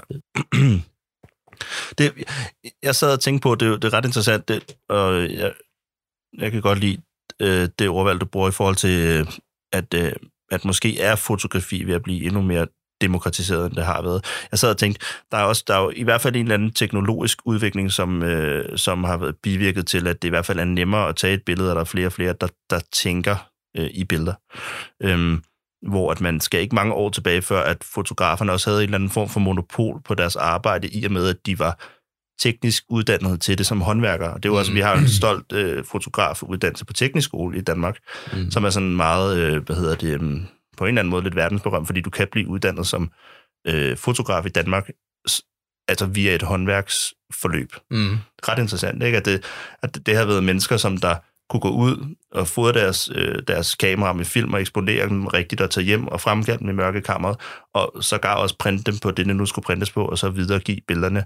Øh, så de var virkelig specialister, og det er der også i alle mulige andre fotografiske brancher, at, at de har siddet så hårdt øh, på det selv, at man har skulle til fotografen for at få øh, gjort alt lige fra at få taget billedet til at få det fremkaldt, til at få det overført til papir, til at få det videresendt til dem, der nu engang skulle printe det, hvor de nu skulle printe det. Så der har været sådan et, øh, det har været et meget mere øh, ekspertfag, end, end det måske er nu. Ja, Ja, ja, altså- altså, ja, god pointe. Mega god pointe, synes jeg. Øhm, og øhm, øh, ja, jeg synes, synes, det handler om, om os som fotograf, at hvis det, man kan i virkeligheden, at, altså, at gå ud og tage et, et skarpt billede, og det er det, man kan tilbyde, så, så får man det svært på et tidspunkt. Fordi at folk bliver bedre til det, og kameraer bliver billigere, og det vi har i, i, i telefonerne. Øh, og det er jo ikke, fordi jeg sådan, overhovedet har sådan svaret på, på alt, men jeg tror i hvert fald, man skal nødt til sådan at redefinere, hvad man så kan tilbyde, som andre ikke kan. Og det kan jo være mange ting. Det kan jo også være, at man er god til at skrive, at man så både kan lave research-artikler og skrive dem og tage billeder, Mm. eller øh, lave, video, eller være god i Adobe After Effects. Øh, Helt Jeg synes, det er et øh, meget nuanceret og øh, godt svar. Så kan jeg lige komme her og sige, øh, jeg synes, det er noget pis. Nej, jeg, for, jeg forstår jo godt som chefredaktør, at øh, der, det er en øh, døende branche på mange punkter. Det er svært at finde pengene. Det er jo ikke, fordi han gerne vil fyre de folk og ikke have dem. Men vi kan altså ikke undervurdere, at øh, da for eksempel da Metro Express, da de fyrede deres sidste fotograf, og de så kørte rent stokbilleder, når jeg sidder og læser Metro Express, og de billeder, der hører med, jeg bliver jo dum i hovedet af det. Altså, når man ser sådan et billede, der handler om depression, og så er der en eller anden journalist, der bare har valgt nummer et søgt billede på depression, og man, man er bare sådan, der er ingen poetisk fortolkning i, hvordan man løser den her opgave, eller hvordan man kan få et godt portræt. Øh, altså, og de tager de der billeder, som forfatterne eller musikerne selv har fået. Altså, jeg synes virkelig, det er en skam. Altså, øh, der er noget, der går tabt der for mig. Altså hele kvaliteten i formidlingen af det, ikke? Altså, at det, der er en fotograf, der får lov til at være poetisk i sin oversættelse af indholdet. Altså stokbilleder, det synes jeg simpelthen er det tristeste i verden. Ja, for se, ja, det er jo, det er jo ikke, det skal ikke øh, lyde som om, jeg ikke synes, jeg skal være en fotograf ude på Nej, men på du er diplomatisk og sød, og jeg synes, det er et Øhm, rigtig godt svar. Men, nej, men, ja, men i virkeligheden tror jeg også på en eller anden måde, at, at lokalaviser må redefinere sig, fordi at jeg tror også, at, øh, at især når øh, de her fotografer bliver skåret ned, og de får mere og mere travlt, skal ud på syv opgaver på en dag, så er det jo netop, at de ikke får tid til at have et poetisk Mm. udtryk og fortolkning af den her historie, som du øh, lægger op til. Mm. Hvis man presser folk ud i, at det bare skal smadre afsted og tage et billede, smadre afsted tage et billede, så er det lige meget, hvor dygtig man er, så, så er det jo en registrering. Mm. Så derfor vil jeg ønske, at man altså, havde fotograferne, og så ligesom altså, brugte dem på, og på en anden måde, altså også på bruge dem til at bruge tid på at lave nogle, en serie, eller lave noget lidt dybere. Og, og øhm, jeg synes, jeg vil til hver tid foretrække, at hvis man havde en fotograf, i stedet for bare at smadre ham eller hende rundt, og bare tage registreringer hele tiden, så synes jeg, at det er bedre at give den person noget tid til at udfolde sig og fortolke historier, og så have en journalist til at tage de der øh, håndtryksbilleder. det kunne jeg godt se en, en pointe i at bruge nogle fotografer på nogle lidt lidt sådan langt rækkende projekter. Yes, Kim, øh, næste nyhed kommer fra dig. Ja, næste og sidste nyhed i, øh, i dagens podcast. Øhm, Vi er så triste. Har du ikke nogen gode nyheder til os? Jeg synes, det er en god nyhed. Okay. Jeg synes, det er en god nyhed. Øhm, der er rigtig meget snak om, om, om, om film versus digital og sådan noget. Det er jeg, ikke så, jeg er ikke så meget for at snakke om det. Film har aldrig øh, været væk på den måde. Og fred være med, om man bruger det ene eller det andet, bare det bliver. Ja, men er du Canon eller Nikon-mand? Nej. Nå. Og øh, hvad hedder Blaubel med Kina mand i øjeblikket. Øh, øh, Ko- Kodak har lige, øh, har lige øh, øh, lavet en kontrakt sammen med fem af de aller, aller største produktionsselskaber i Hollywood. Vi snakker sådan noget Sony og Disney og tre andre. Øh, omkring indkøb af, af filmstok, altså filmmateriale til, til optagelse af film. Kodak, det er dem, der laver filmen. Kodak Eastman Company, mm. øh, der, har lavet, der laver film og har lavet film og er berømte for, for at lave filmmateriale, har her i 2020 øh, lige genskrevet en kontrakt, som øh, egentlig sådan i bund og grund handler om, at fem af de allerstørste produktionsvirksomheder, øh, som producerer store Hollywood-film blandt andet, har sagt ja tak til at øh, indkøbe Okay. x antal meter i løbet af de Det sgu da en god antal nyhed. år. Jeg synes, det er en god, det er Ja. en god nyhed. Jeg kan godt lide den Films nyhed. not dead, altså hashtag. Nå ja, men altså, øh, så kan man sige, hvad har det, hvad, i forhold til stillfotografi, er det noget at sige? Ja, det har rigtig meget at sige, fordi sådan filmmateriale, filmmateriale og ude på fabrikkerne, der bliver det lavet i kilometervis, og det kan rulles op på den ene måde, men det kan også rulles op på den anden måde. Så, så snart, at, at, at nogle af de her firmaer begynder at opjustere mængden af film, de laver, så er det rigtig godt for alle, der godt kan lide at tage billeder Åh, det på håber jeg. film. Ja, fordi Fuji øh, laver jo færre og færre filmtyper. Øh, I hvert fald I sender dem til Europa, ikke? Så det, det har været lidt trist de Mhm. sidste år. Nemlig, så, er vi, okay. så vores lid er stadig til Kodak. Der er Alle, lys alle os, der. der ved, at man nærmest kun kan skyde på Kodak Portra 160, 400 eller 800 ISO i øjeblikket. ikke? Skyder du på film, Mathias? Øh, ja, Så er du også glad for den her nyhed? meget glad for det. Jeg synes faktisk, at det lige der var en prisstigning på Kodak Portra, fordi, som jeg husker, at vi løb, løb tør for det, øh, men nu får det så opjusteret og sådan noget, så kan det være om et par år eller sådan noget, så Ja. falder, det, falder det så Ja. ja. forhåbentlig i pris. Og sådan, så, øh, Men det her, det er så, det er så, til, det er så til filmfilm, altså Hollywood-film, ikke? Og, ja, men det er jo dejligt. Dejlige nyheder. Det var Skal vi lukke nyhedssegmentet? Jeg synes, vi skal altså, lukke. jeg har faktisk også en lille nyhed, Ja, som okay, jeg lige sindssygt, er det, Sindssygt. Øh, hvis, det er, der? hvis det er okay. Ja, Nej, det, var, det var fordi, jeg læste bare lige går aftes en meget sjov artikel om øh, Lady Gaga, som øh, lavede et Twitter-opslag, hvor hun øh, skrev ud, at der har været folk, som der har downloadet hendes nye single illegalt, før den udkom. Ja. Øh, uden de har rettigheder til det. Og det var hun sådan egentlig sådan, øh, sur over, synes det var dårlig stil. Den er at, blevet øh, leaget, som det hedder. Ja, og fik hørt, og, Okay. og folk, der ikke havde rettigheder til det. Og, øh, men det, der så var med det, var, at hun øh, havde et billede til hendes Twitter-opslag, som er et, et øh, øh, fantastisk billede af en, der har en øh, skihætte på, et stokbillede, og har en øh, gammel iPod, diskmand og øh, høretelefoner på, og, og danser til det, og, og, og en hættetrøje for sådan at symbolisere, det er en, det er en tyv. Mm. Øh, men, men det, der var med det billede, var, at der stod Shutterstock over det hele på det, hvor at Shutterstock så svarer hende, at hun har bare taget det der billede, uden at købe rettighederne til det. Nej. Ej. Det synes jeg bare var så fantastisk. Må man, må man ikke bruge det, når vandmærkerne er på? Det må man sikkert ikke. Nej, Nej, det tror jeg- nej, det- Nej, det må nej. man ikke. Det er for, Det er bare for, for at folk ikke sådan, synes, det er særlig rart. at- Hvorfor har du også brugt det? Ej, hvor er det godt. Det er Ja. dårligt. det, var, det var sjovt med Jeg elsker... dobbelt, Ej, dobbelt moral i den reneste form. Ej, vi manglede lige sådan en lol-nyhed. Det var en er god- fandme dumt, det var altså. en god nyhed, mand. Nå, det billede må vi jo lige finde og lægge op, så må vi se, om Shutterstock de kontakter os. det, det skal vi herop. Ja, Kunne man ikke tage et screenshot af, hvad hedder det, øh, af Lady Gagas hvad det, Twitter-profil, hvor hun har lagt det op? Jo, lige præcis, men det var sådan, Sådan. Altså, og så læste jeg bare en kommentar til den artikel, så var der sådan en metadebat om Ja. det øh, mediet så bragte den artikel, må de så godt bruge det, eller skulle det være et screenshot af hendes Twitter, og sådan, Ja, ja, bare totalt meta... Øh, Fuldstændig. Fedt.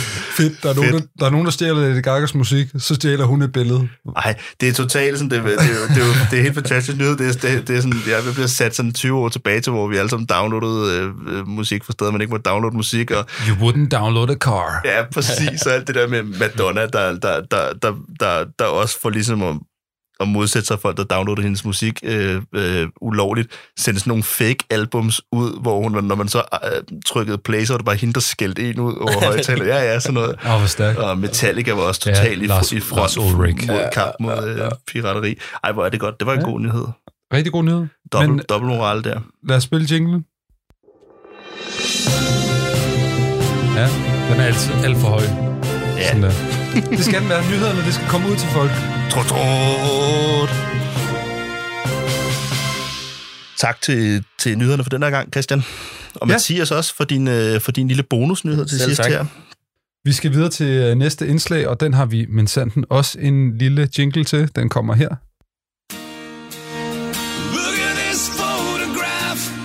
Apropos stjæle musik. Det er, meget, det er så intimiderende, det der stykke der. Kig på det her fotografi. Kig på det her fotografi. Men det er det, vi skal til nu. Ja. Vi skal Øhm, kigge på et fotografi. Mathias, vi har bedt dig om at tage et øh, billede med, der har betydet noget for dig. Hvad har du øh, taget med til os i dag? ja, øhm, det var sådan en, det var en let opgave, og en mega svær opgave på samme tid. Så nogle gange, de, de letteste ting er noget af det gang, det der, der er sværest, ikke, når man har flest Ja. ja. valg. Ja. Øh, men øh, jeg går sådan lidt øh, tilbage, og egentlig sådan tænkte over, hvad var egentlig sådan nogle en af de første fotografier, der sådan rørte mig, eller altså, vel, i hvert fald sådan, jeg fik den der følelse, når man kiggede på det, sådan, hvad, hvad, hvad sker der? Man kan ikke sådan tage ens øjne fra det, Ja. og det er jo egentlig det, der er lidt magisk med, med, med fotografi. Ja, helt, Øhm, helt klart. Og, og, og da jeg sådan startede øh, med at interessere mig for fotografi, var jeg ret fascineret af de her gamle mestre, altså Henri Cartier-Bresson og Josef Kaudelka, som der har, har taget det her billede. Øhm, og det her billede, det er øh, forsiden på hans øh, værk, der hedder Exiles. Og øh, det er også en, en, en bog, der sådan helt kort sagt øh, handler om, at han øh, selv har været i eksil efter Sovjet de, øh, invaderede Prag i sidste 60'erne, og så har han sådan lavet over 25 år fotograferet sådan følelsen af at være på flugt og fotograferet migranter. Og, og øh, billedet, det er... Hvor flyttede han hen i øvrigt? Var det USA? Øh, jeg, jeg tror, han har boet i forskellige steder. Jeg ved, det her det er taget... Han har rejst, selv, altså, han har rejst meget rundt, Ja. og sådan lidt selv levet sådan på, altså, i alle mulige lande og Mm. mm. som migrant. Og det, her, det, det er taget i, i Frankrig, det her billede. Ja.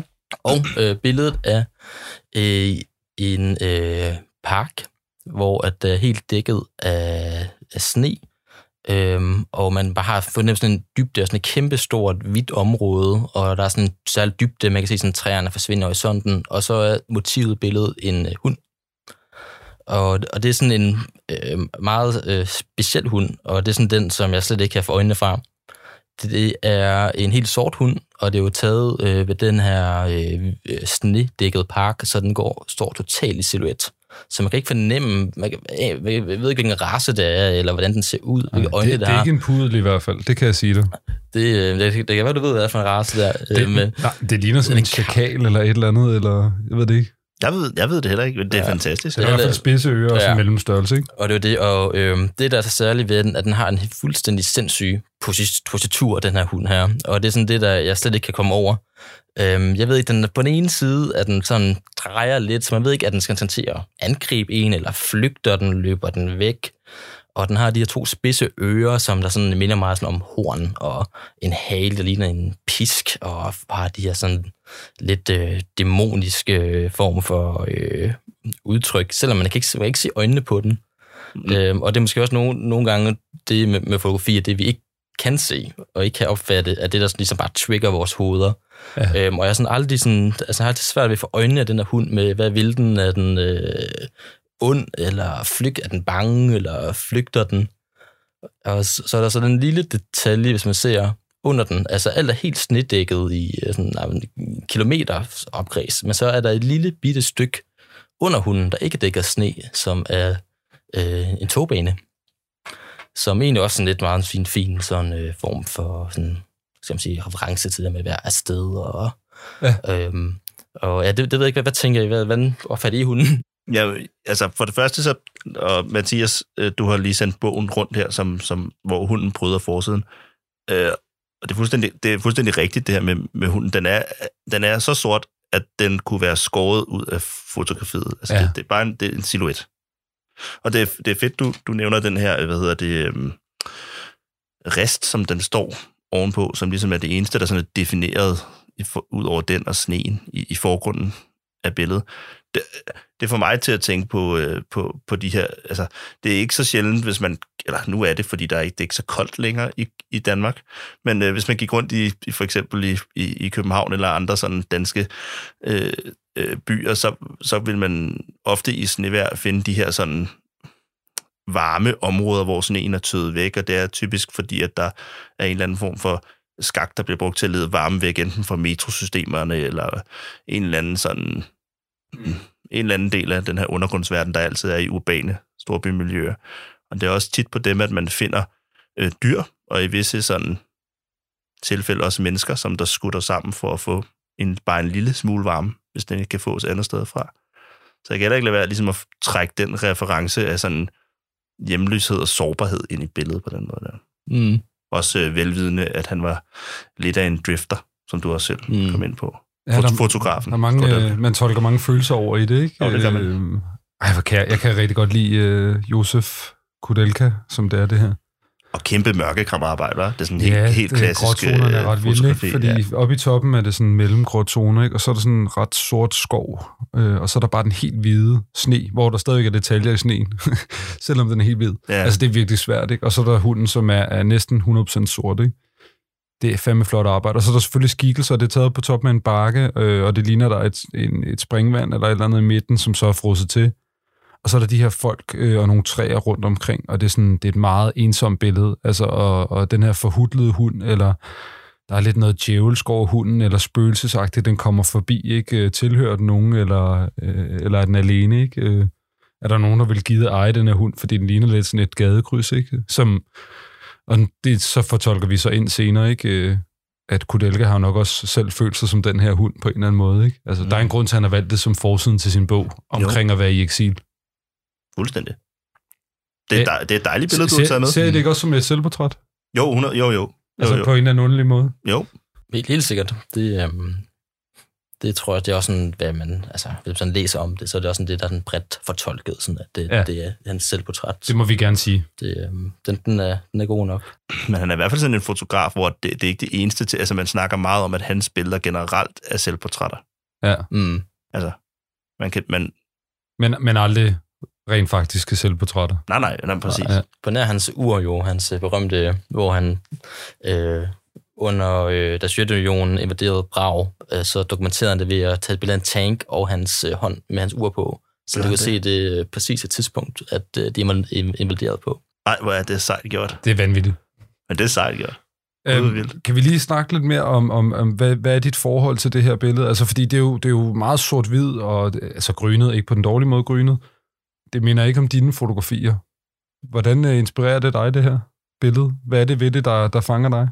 Øhm, jo, men altså, altså Josef øh, øh, Kodelka var jo altså helt sikkert en af de fotografer, som jeg på et mega tidligt tidspunkt var blevet mega fascineret af, hvor jeg synes sådan, at det der sådan er forskellen på, på ham og måske sådan en Henri Tiapasson, hvor hans billeder, altså øh, øh, Henri var meget sådan, at alt skulle op i en større enhed, og de var meget sådan øh, framet, og det den rigtige person skulle være i det rigtige sted på det rigtige tidspunkt. Det var meget sådan han, en form, idé, han havde, Mm-hmm. hvor at, jeg synes, øh, Kodelka er mere råt, Mm-hmm. og mere sådan, øh, hvor man bare tænker, hvad, hvad sker der her? Mm. Hvor Mhm. man bare sådan, hvor han bliver suget ind i hans, i hans øh, øh, billeder. Øhm, og det, det synes jeg sådan, at altså, man har lidt, lidt den der sådan øh, 60 sekunders regel eller sådan noget, hvis man sådan kan blive ved med at kigge på et billede mere end 3 sekunder, og, det, og, og for mig er han en af de fotografer, sådan en 3 minutters regel af ham, og jeg kan simpelthen ikke kan, har svært ved at tage mine øjne fra ham, og, øh, og jeg synes, det var noget, øh, altså i, i, i dag ikke, hvor der er så meget konkurrence med ens tid og ens opmærksomhed alle mulige steder, og så tror jeg noget af det største, man kan gøre som fotograf, er at skabe noget, der fastholder folks opmærksomhed.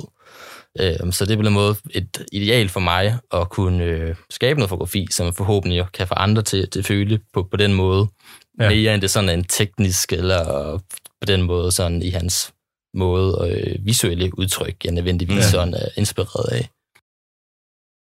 Men der, noget, jeg sad, nu jeg sidder jeg også bare og stiger på det, det er et virkelig dejligt billede. Der er noget, som der, jeg, jeg synes er meget sådan bemærkelsesværdigt, og måske også sådan, øh, lidt sådan ærefrygtindgydende, som jeg godt selv, som jeg i hvert fald godt, som jeg ønsker at mestre.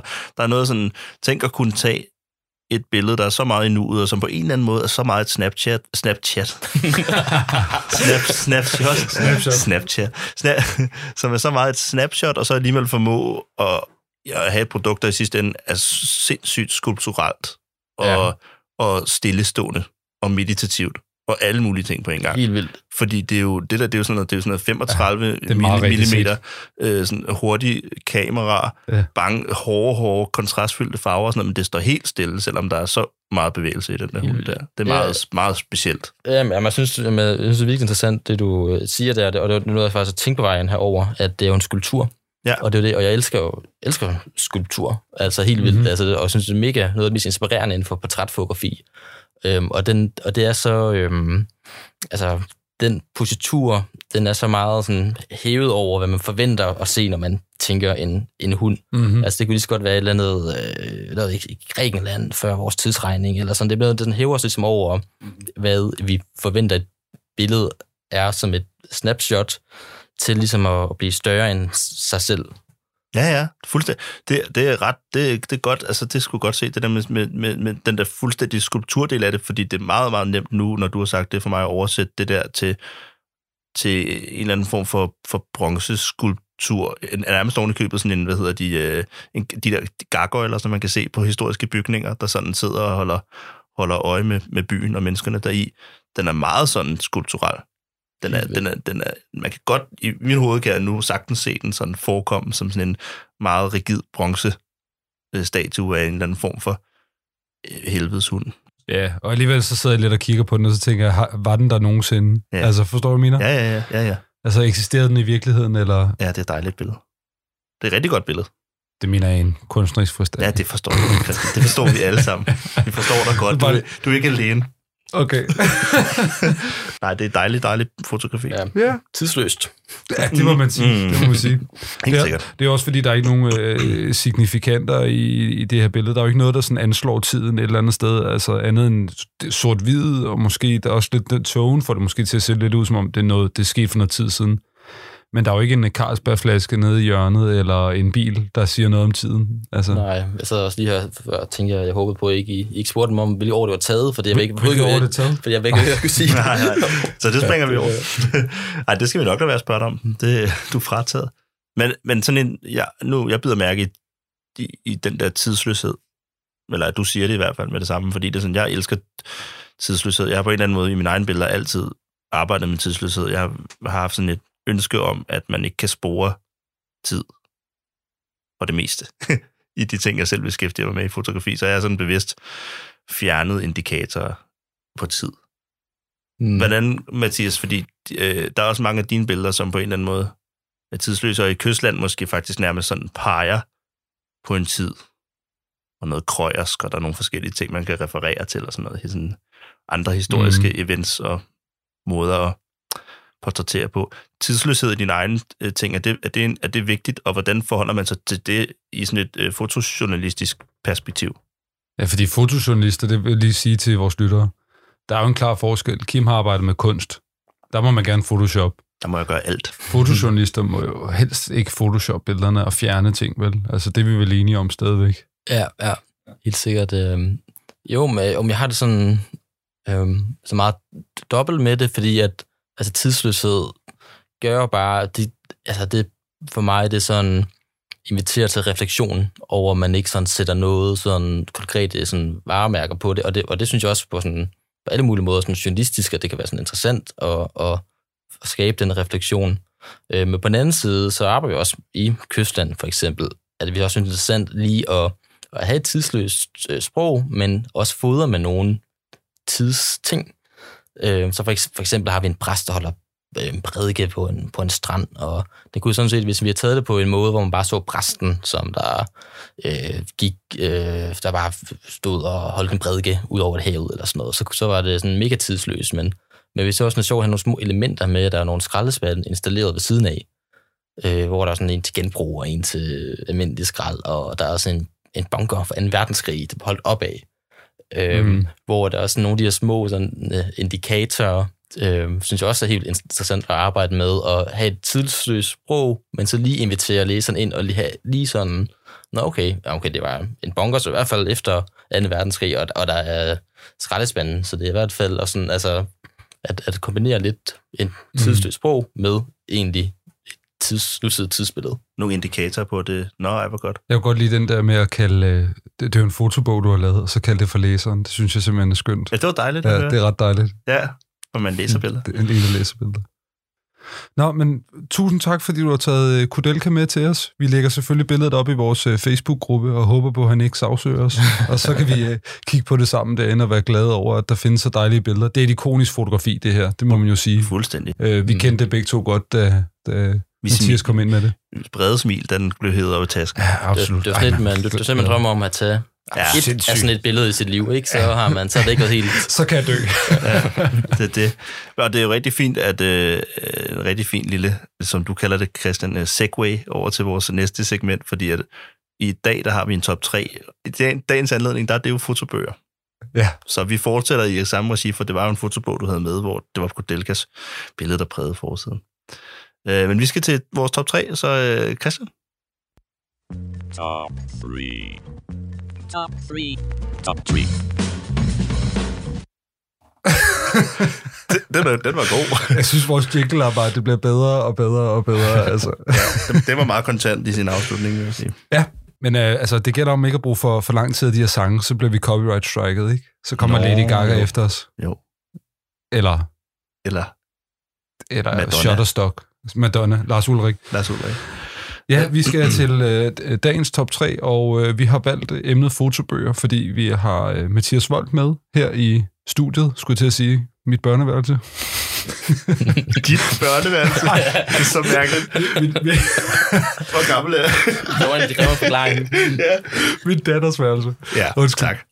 Vi sidder her i min datters værelse, og øh, vil gerne snakke om fotobøger, fordi at øh, Mathias har sammen med Ulrik Hasemann lavet en rigtig, rigtig flot fotobog i 2019, så tænkte vi, det kunne være et godt emne lige at tage op her.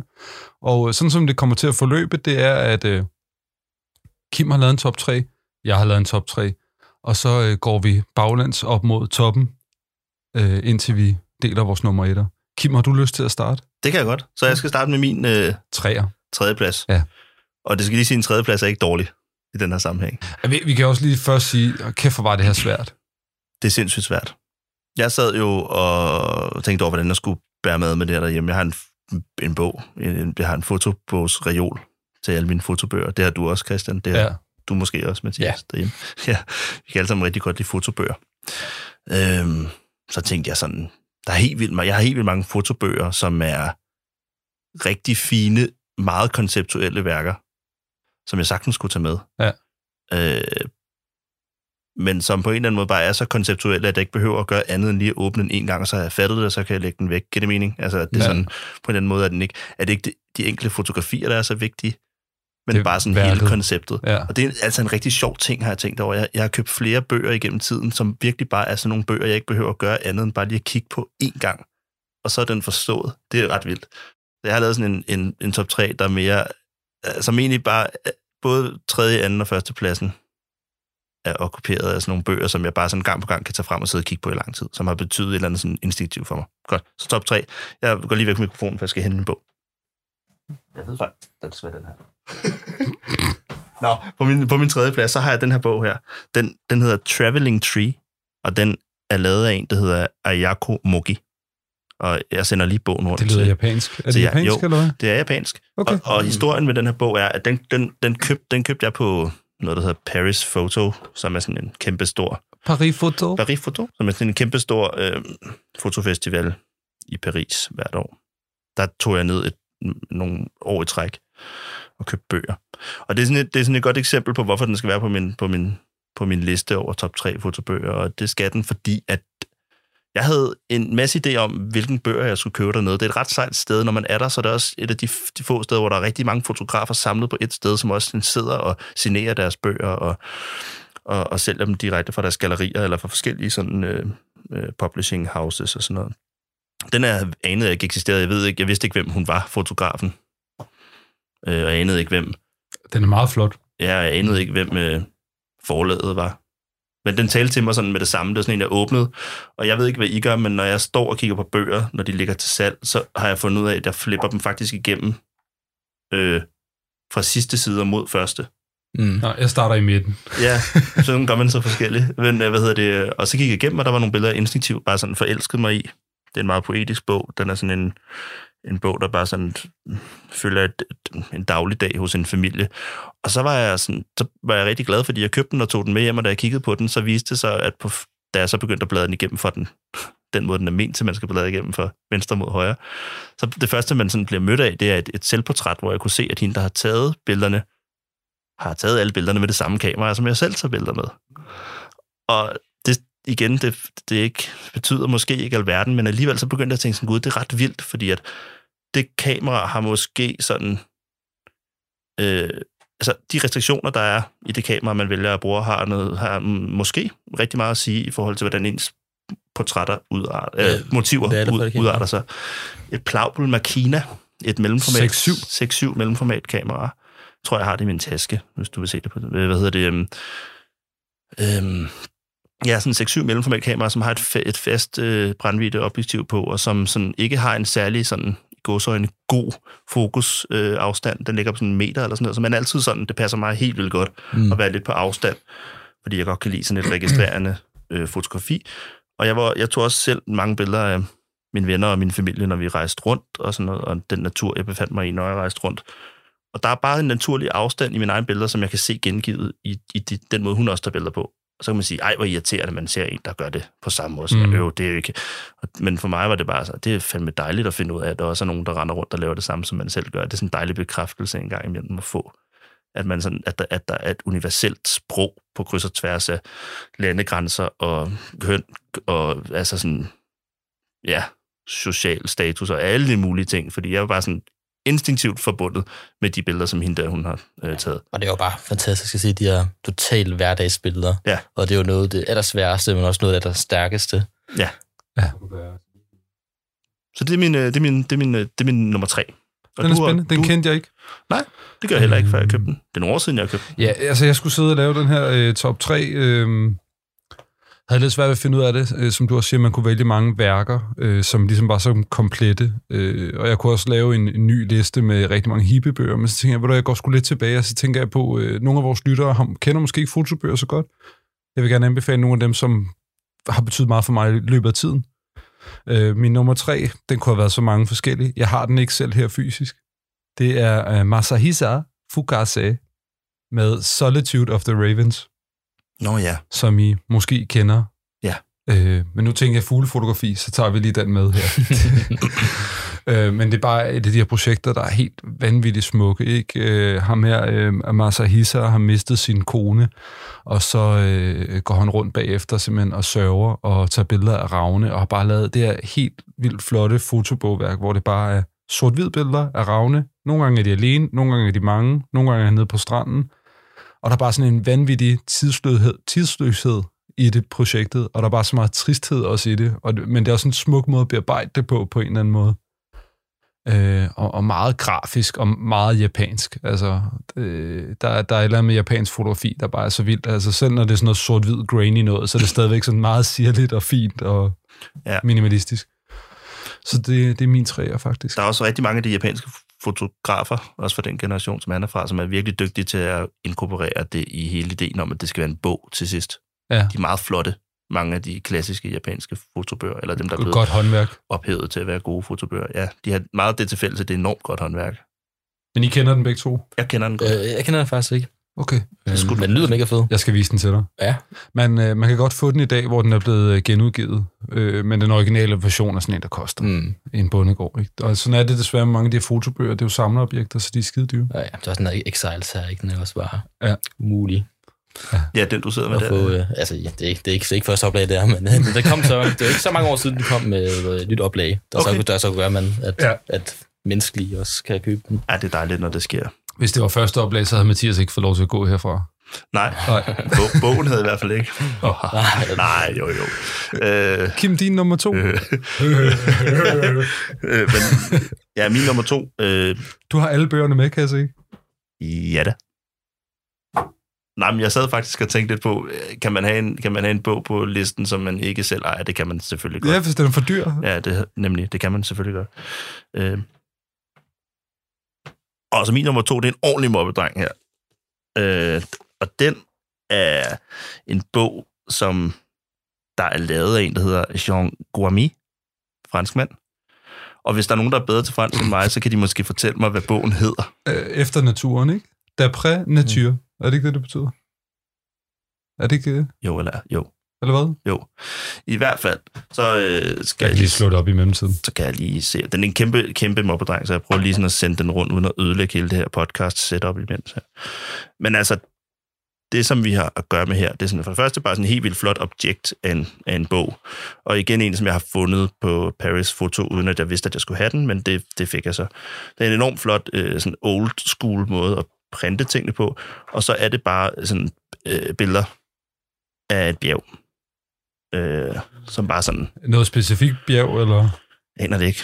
Det hele står på fransk. Øh, men jeg mødte ham, ham fotografen. Han er vist nok sådan en... Åh, nu skal jeg passe på. Jeg ved ikke, om han er, om han er eller bare Magnum-fotograf. Jeg er okay. ikke sikker. Øh, Det ligner, og så er det lidt sådan et personal project. Ligner det lidt på en eller anden måde. Ikke? Helt vildt flotte øh, sort-hvid billeder af... Man kan Øh. godt se, det er printet old school. Er du sindssygt? Det, det er så flot i sine toner og sådan noget.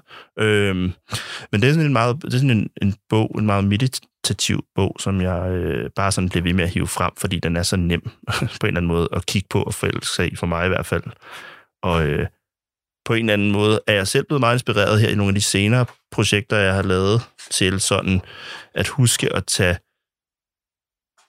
ikke at tage, men at, men at medbringe billeder i sin sådan sidste redigeringsproces, inden man laver en bog, eller inden man laver en udstilling, som virker sådan meget som, som noget, der måske godt har været, kunne have været sorteret fra, fordi at billeder i en sekvens også kan styrke hinanden enormt meget.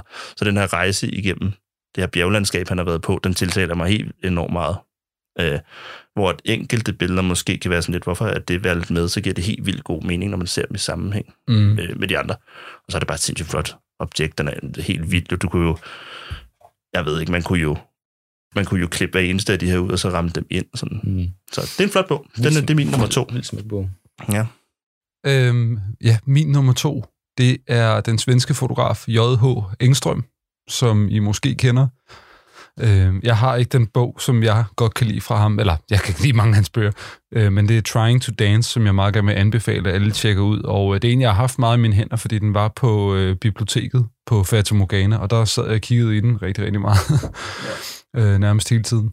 Øh, og det var sådan en, vi blev alle sammen helt vildt inspireret alle på årgangen, da vi så den, og var sådan helt øh, bjergtaget af den. Ikke? Øh, meget personlig fotografi. Det var her, jeg opdagede personlig fotografi. Det her med at tage billeder af sin nærmeste og af sig selv, og bruge det til at fortælle en historie, som alle kan forstå følelsen af. Og så øh, er J.H. Engstrøm også sådan en fotograf, hvor at han er ikke bange for at overbelyse billedet, eller der kommer lysfejl på, og blande sort-hvid med farve. Og det er noget, der betyder rigtig meget for mig. Øhm, jeg har en anden bog med. Horns fra ham, den har jeg. Så hvis vi skal sidde og bladre i noget, så, så er den her her i hvert fald. Mm. Øh, men, men, men en svensk fotograf, som ligesom er kongen af det her øh, personlige fotografi, og elsker at lave bøger. Og, og hvis man godt kan lide fotobøger, så skal man tjekke ham ud, synes jeg. Jeg har lavet mange gode bøger. Mange rigtig gode ja. bøger. Øh, og udgiver hele tiden nye bøger. Altså Stadigvæk. stadigvæk. Øh, Så J.H. Engstrøm, det er helt klart en, jeg vil øh, anbefale. Trying to Dance, øh, den, er, den bliver ikke genoptrykt lige forløbig, og den er rigtig dyr at komme i nærheden af. Men det kan være, man kan være heldig at finde den. Og måske alternativ, så er den Horns. Som Horns, som den synes jeg er rigtig, rigtig god. Ja. Så det var min nummer to. Det er en flot bog. 22-årig, jeg. 22-årig Christian elskede den her i hvert fald. Elsker, hvad hedder det... Hvor gammel er du nu? Øh, 29. jeg elsker 29-årig Christian den også. Ja, meget. Det er godt. Så skal vi til nummer et. Min, øh, ja, nu skal vi til min øh, Kims nummer et. øhm, Du trækker den langs op på bordet. Hvad sker der? øh, min, min, en reveal. min nummer et, jeg har, jeg har jo, vi kom ind på det før, man har flere nummer et, og flere nummer to, og flere nummer tre. Nu har jeg taget den her nummer et med i, i, i forhold til, hvad jeg snakkede om før. Den hedder Harlemville, og den er lavet af en fotograf, der hedder Claire Richardson. Yes. Øh, Hun er fed. hun er fed. Altså prøv at høre, jeg kendte hende ikke. I 2011, 12 stykker, tror jeg, der øh, boede jeg i Jødeborg, og der kom jeg forbi øh, Hasselblad centret deroppe, det ligger mm. i Mhm. Jødeborg. Og der har de en bogbutik. Og der lå der ting på tilbud, sådan noget, tag tre bøger for et eller andet. Og der lå den der i sådan en tag tre bøger for 100 kroner, så var den her. Er det rigtigt? Og jeg var sådan bladret lidt i den, fordi man, man regner ikke med at finde noget godt i den bunke. Dit heldige svin. Men så, så lå den der, og så var jeg sådan, det var min første sådan, den, ligesom de andre har gjort, så talte den her instinktivt til mig. Så jeg blev sådan interesseret i at finde, hvad er det her for noget med alle de her? Det er en bog fyldt med børn og unge, der løber rundt i et øh, skovlandskab og er ret meget i harmoni med det her skovlandskab. Det vil jeg våge at påstå, de er. De gør ting, som man som sådan et stort bybarn, som mange af os øh, øh, er, ikke normalt vil gøre. De er, meget, de er meget tilpas med at være ude i naturen. Mm. Og hun har ligesom bare sådan fotograferet dem i deres omgang med naturen. Og, øh, og det her Harlemville er jo så, det er, det er en eller anden form for Steiner-projekt. Øh, præcis hvad det er. Er det en kult? Nej, det tror jeg ikke. Nå. Øh, øh, Prøv at lade den gå rundt. men det, værsgo. K- Mathias, kender du den? Øhm, nej, Eller nej, kender du jeg fotografen? Eller? ikke. Det gør, jeg- det gør jeg faktisk ikke, øh, så det er virkelig Nå. fedt at blive inspireret her. Jeg er vildt glad for det. Jeg tror, det vil være lige dig, det her. Det er Ja. virkelig Ja, ja, smukke, Det ser stille. sygt flot ud. Det er meget flot. Og det fede ved den bog er også, synes jeg er fedt. Nu, når jeg sådan igennem årene har taget den op og kigget på den igen, så har kan den lidt det samme som den bog, jeg hævde frem før med bjergene i. Altså, det er en bog, der på en eller anden måde er blevet min yndlingsbog, selvom at den sådan, øh, hvis jeg skal kigge på den med sådan professionelle redigeringsøjne, så ville jeg have gjort, så ville jeg selv have gjort andre, andre ting anderledes. Eller jeg ville have gjort nogle ting anderledes. Og der, jeg synes, den er sådan et, et den er sådan nærmest, der, editeringen er ikke på en eller anden måde ikke stram nok. Der er for mange billeder med, der ligner hinanden. Men det er også den styrke på en eller anden måde. Det er den der gentagelsens mm. værdi, der er i at sige, som jeg er enormt øh, glad for, at hun kan. Eller, eller altså, det, er svært den, at den gør jo heller ikke noget nyt. Nej. Altså, den gør jo ikke noget med, at lige pludselig er der et mærkeligt billede, Nej. eller der er et andet type papir. Det er bare et billede, næste side, et billede, næste side. Der og- er ikke noget nyt i den. Nej, og ofte er det sådan et billede, næste side, et billede, der minder om det, du lige har kigget på før, og så igen et billede, der minder om det, du lige har kigget på før. Men det er jo med til ligesom at forstærke hele ideen om det her sådan, øh, øh, den, det, det her lille boble-univers, hvor der, altså, hvor der er nogen, der har besluttet sig for at leve og gøre ting ja, på en særlig skaber måde. et univers faktisk her. Ja, ja, sindssygt dejligt. Og igen de der sekvenser, ikke? Altså, ja. det er bare lidt en filmisk oplevelse ja. øh, med sådan at, at gentage. Ja, gentagelser.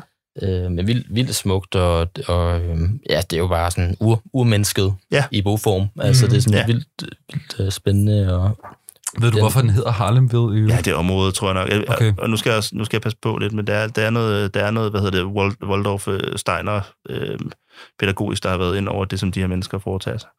Øhm, og hvad hedder det, jeg skrev til hende øh, her for et par år siden, øh, fordi det gik op for mig, at jeg skulle... Jeg skriver meget til dem, jeg, jeg godt kan lide. Altså, Ja, hvis jeg så sender du en mail. Så sender jeg en mail, eller på en eller anden måde kvitterer. Så skrev jeg til hende og sagde tak for øh, bogen her. Den købte jeg for x antal år tilbage. Den er jeg øh, glad for. Og jeg fik den på tilbud i øvrigt. Ja, helt vildt. Så har jeg fundet ud af, at den er udgivet på Steidelmark og sådan noget. og Hvad hedder det? Hvis du går ind på deres hjemmeside, så står den over de der øh, bøger, som ikke kan fås længere og sådan noget. Så den har, den er, den er åbenbart en sådan, i det brede offentlighed også en god bog. Og det forstår jeg godt. Det var bare så mærkeligt, den lå i den hun der... noget til dig? I øvrigt, Ja, men det det, var- det så det der endnu... Det er så fedt. Det er nemlig en, en rigtig god krølle på halen til den her historie. Hun var bare sådan, ej, hvor var det godt, at jeg skrev, og tak for, fordi jeg kunne lide hendes, øh, hendes, hendes bog, hendes værk. Øhm, hun tog ikke billeder mere. Hun havde ja. fået øh, nogle børn og en familie, som hun tog sig af, og havde, havde det godt med, men havde stadig kontakt til mange af de der mennesker der, som besøgte hende stadigvæk. det er egentlig interessant, fordi når man ser på dem, så tænker jeg jo, det er jo sådan en perfekt fotograf til at fotografere sine egne børn. Totalt. Og det er helt fantastisk at tænke på, at hun bare ligesom har været embedded i det der miljø, og er stadig venner med øh, nogle af dem. Og så er hun bare sådan, hun var fotograf, fordi det gav mening i det øjeblik. Mm. Og det er jo Mhm. enormt, det kan lyde så cocky, ikke? Jeg gjorde det bare der, for det gav mening. Nu, nu, laver, Nu laver har jeg noget andet. Nu laver jeg noget andet. Nu bærer jeg brød. Ja, fordi der var også, men, men på den måde, hun skrev det, så, så var det, det gav mening. Det var ja. meget harmonisk. Øh, Der er jo også, der er en anden, der er en anden bog, hvor sådan myten omkring bogen er lidt den samme. Det er den der, hvad fanden hedder den? A Period of Juvenile Prosperity.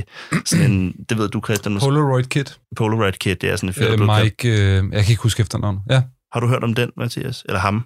Nej. En fotograf, som har, har lavet en bog, der hedder A Period of Juvenile Prosperity, som var ham og hans venner, der hoppede tog, godstog og rejste rundt.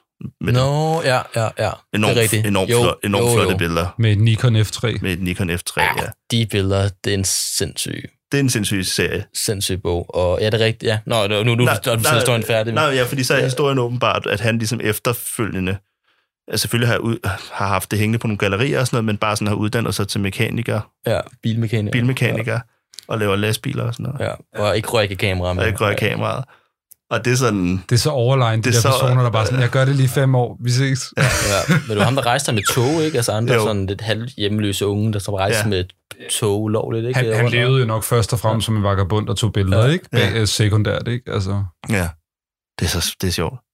Så lidt den samme historie, dog mere sådan uh, grounded på en eller anden måde, det her projekt. dejlig krølle, Ja. Kim. Jeg kan ikke... øh, Det var min nummer et. Det, min nummer et, hvis jeg skrev en uh, mail til min nummer et, så ville jeg nok ikke få et svar. Og hvis jeg prøvede at få kontakt til ham, så ville jeg nok også få et svar, jeg ikke ville kunne lide. Fordi min Hmm. nummer et, det er William Egglestons guide. Ja. Yes. øh, til dem, der ikke kender William Eggleston, så er han øh, meget berygtet. Øh, man skal ikke stille det forkerte spørgsmål til ham, øh, så øh, hakker han en over. Ja, det ved jeg. Der er sådan nogle gode klip på YouTube, hvor han siger, that's the dumbest question I've ever heard. Nå, men William Egglestons Guide, øh, klassisk, klassisk bog. Den er sådan læderindbundet. Der er guldskrift foran. Og så er det bare øh, en side, et farvebillede, en side, et farvebillede. Ja. Men det er en ret historisk bog, fordi øh, William Eggleston er, må sige at være ham, der har gjort, at farvefotografiet ligesom fik en kunstnerisk berettigelse. Øhm, fik lov i en ung alder til at udstille på MoMA, så vidt jeg ved. Og øh, tager bare nogle helt fantastiske underspillede øh, øh, billeder af det her liv omkring øh, Memphis, som han synes var helt vildt grimt. og så gør han det helt vildt smukt på en eller anden måde, det her sensommer, øh, sollys, øh, solnedgang. Og øh, jeg tror bare sådan, jeg synes igen, det er ikke en genial bog, men det er bare sådan en, den har betydet meget for mig. Og jeg synes, det er så overlegnet, og man kan sige, Eggleston kommer fra den her filosofi inden for fotografi, hvor han siger, øh, hvis du kan tage et billede af den her ting, så kan du også tage et billede af den her ting. Altså det, som Tillmans vil sige, if one thing matters, then everything matters. Ja. Og det vil sige, at en lygtepæl har lige så meget beret- berettigelse som en, et portræt af en kvinde. Så han har opfundet det her, det demokratiske fotografi, som han kalder det, ikke? Øh, The Democratic Forest, lavede han en bog senere, der hed. Og øh, at han så laver en bog her, hvor det er en blank side, og så et billede, blank side, så et billede, blank side, så et billede. Det understøtter endnu mere den tankegang med, at han giver så meget plads til de enkelte billeder. Mm. Og så begynder man at forstå, okay, et, et billede af en børnecykel, det her det er kunst. Fordi før han kom, der var farvefotografi, det var kun noget, man lavede inden for reklamebranchen, fordi Ja. der havde man råd til at lave farvefotografi. Så hvis nogen lavede noget, der ikke var sort-hvid, så var de bare sådan, ej, hvor du ulækker. Ja. Gå lige hjem med det der reklamepis der. Ja. Ja, også det der med, at man altså, giver samme værdi til hvert billede, at det er samme øh, størrelse, og det er samme sted, det kommer, og sådan noget. Det er ikke sådan et, et fuldt spread, og så et lille billede, eller sådan. Det er bare ja. altså et, et billede af indersiden af hans ovn, får lige så meget plads som et øh, portræt. Og, Det er fedt, det der med ovnen, det elsker jeg, det billede. ja, Ja, det er det virkelig... er hverdagens, hverdagens mester. Ja, så har vi nogle bare hverdagsfotografer ja, her. også stenet. Altså, det er sådan virkelig sjovt. Altså, Fuldstændig. Jeg sidder og kigger på den nu. Det kan jeg godt forstå. Jeg kan godt forstå, det er din bog nummer et. Ja. Du var også inde på, at, du, at, det er en, at i din, din topliste er på en eller anden måde øh, en, en introduktion Ja. til mange mennesker til noget legendarisk arbejde inden for fotografi. Og det er det. mm, Meget og farvernes mester også. Ja. ikke? Ja, Altså. ja, ja, ja. Der er en eller anden form for sådan knastør humor i den her bog. Ja, ja, ja. Jeg har aldrig kigget så meget i den, men det her billede her, Jamen, det er er ret fedt. Ja, det er et billede af, af jeg tror, det er William Egglestons far og hans, øh, øh, øh, er det en ven eller en butler, men i hvert fald, han står i et sort jakkesæt og, øh, og en hvid mand, og så er der en øh, sorte mand ved siden af ham, der står i et hvid jakke. Ikke? Ja, Og øh, det, man kan se i det her billede, det er, når nogle folk, de har gået sammen i rigtig længere tid, når de har boet op af hinanden, Ja. så begynder man at efterligne hinandens opførsel. Ja. Så derfor så står de og laver den samme positur på billedet, hænderne Ja. nede i lommen og, og, og lidt afslappet skuldre. det er vildt sjovt. Og det er jo det samme, du kan se, når du sidder med din far en eller anden dag, og så opdager du, vi krydser benet på samme måde. Eller vi sidder med... Ja. Men han er meget sjov på en underspillet måde. Altså, han synes jo, det her område, han voksede op i, hans nærområde, han synes, det var forfærdeligt. Men det... Jeg har mødt, Han ham, synes, Memphis var grimt. jeg har mødt ham jo. Du har mødt William Eggleston. Han, Hold Rigtig. kæft. nej, han modtog Hasselbladprisen op i det samme center, som jeg snakkede om før. På så så holdt han et foredrag, og så kunne man sådan sige hej, hvis man turde. Og det turde du. Næsten. Nå, hvordan det? Jeg sagde ikke noget. Hvad gjorde du så? Kiggede på ham. Nå, Så gik jeg igen. Jeg har mødt ham. en god historie, Kim. nej, det var ikke så godt. Han var... Nej, men jeg vil heller ikke sige for meget. Han virkede ikke så rar. Men du var lidt øh, inde på det før. Der findes en rigtig god dokumentar om ham på, øh, på øh, YouTube, som jeg vil anbefale at se, og den er skide sjov, også fordi den måde, han fotograferer på, er helt sindssyg. Altså, han, tager, han har kameraet nede ved hoften, og så tager han det op til hovedet sådan et sekund, og så tager han billeder, og så går han videre. Og han er meget sådan, han tager et billede af hver ting, aldrig mere noget. Han gider ikke sidde i redigeringsprocessen og sidde og sige, var det det ene eller det andet? Altså, var der en lidt bedre vinkel her? Så han tager et billede af hver ting, han ser. Det er sjovt. Og det, det er sjovt, fordi at jeg, jeg ved ikke, om det er den dokumentar eller, eller en anden, hvor han interviewede hans datter, hvor hun sagde sådan, at, at han kunne bare, at han er jo sådan åbenlyst meget speciel. Hun sagde, at han kunne bare sætte sig ned og så kigge på et testil i flere timer, Mm-hmm. og bare observere det.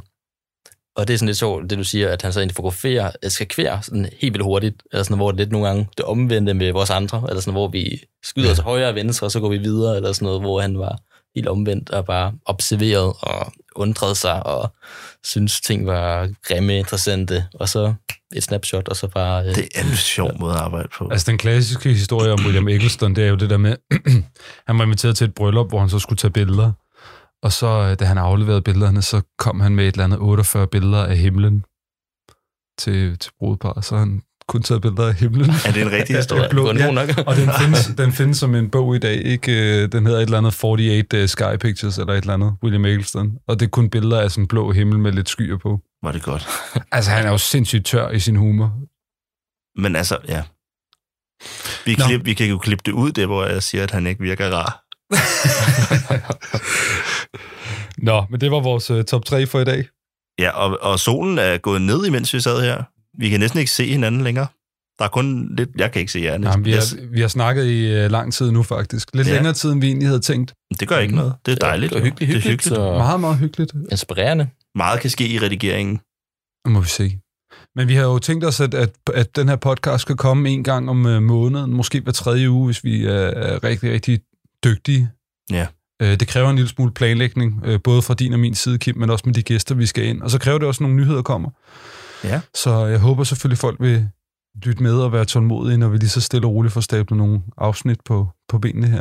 Ja, og ligesom øh, Keen havde gjort i det her afsnit, så send os en mail med nogle, øh, med nogle spørgsmål, eller nogle nyheder, eller hvad, hvad I kunne, nu kunne tænke os derude, at vi tager op i, i nogle af de næstkommende afsnit. Og så øh, til, til jer, der ikke ved det, så er der jo blevet tilknyttet en, øh, en Facebook-side til podcasten. Ja, Fotoklubben. Fotoklubben.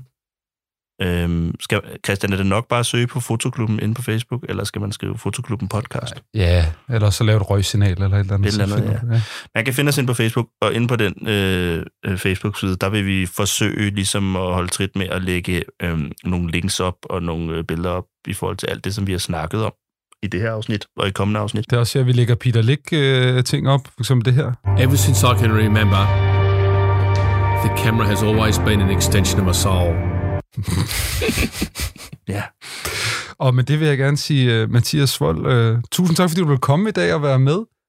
Hvis man uh, nu skal følge dig, ud over, jeg vil sige, fotobøger, gå ud og tjek Kystland ud. Altså, uh, hvor kan man få den henne i øvrigt? Øh, ja, man kan faktisk få den ret mange steder, sådan i Arnold Busk og en del bog idéer. Okay.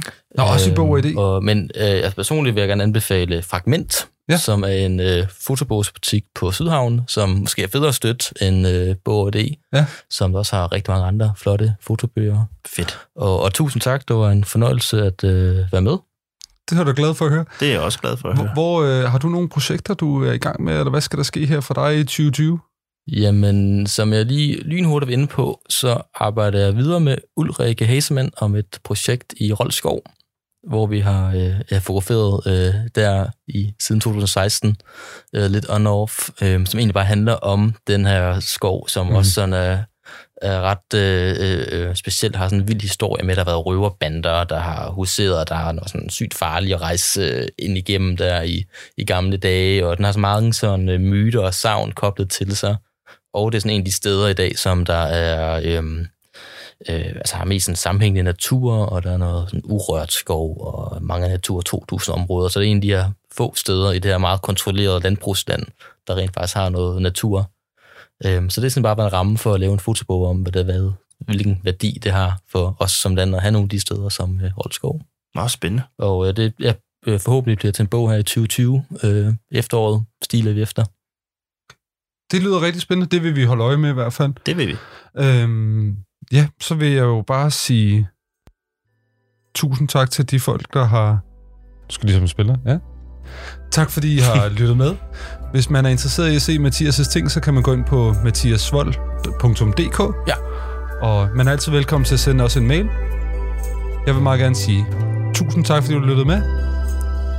Og det er samme med jer. Tusind tak, fordi I lyttede med derude.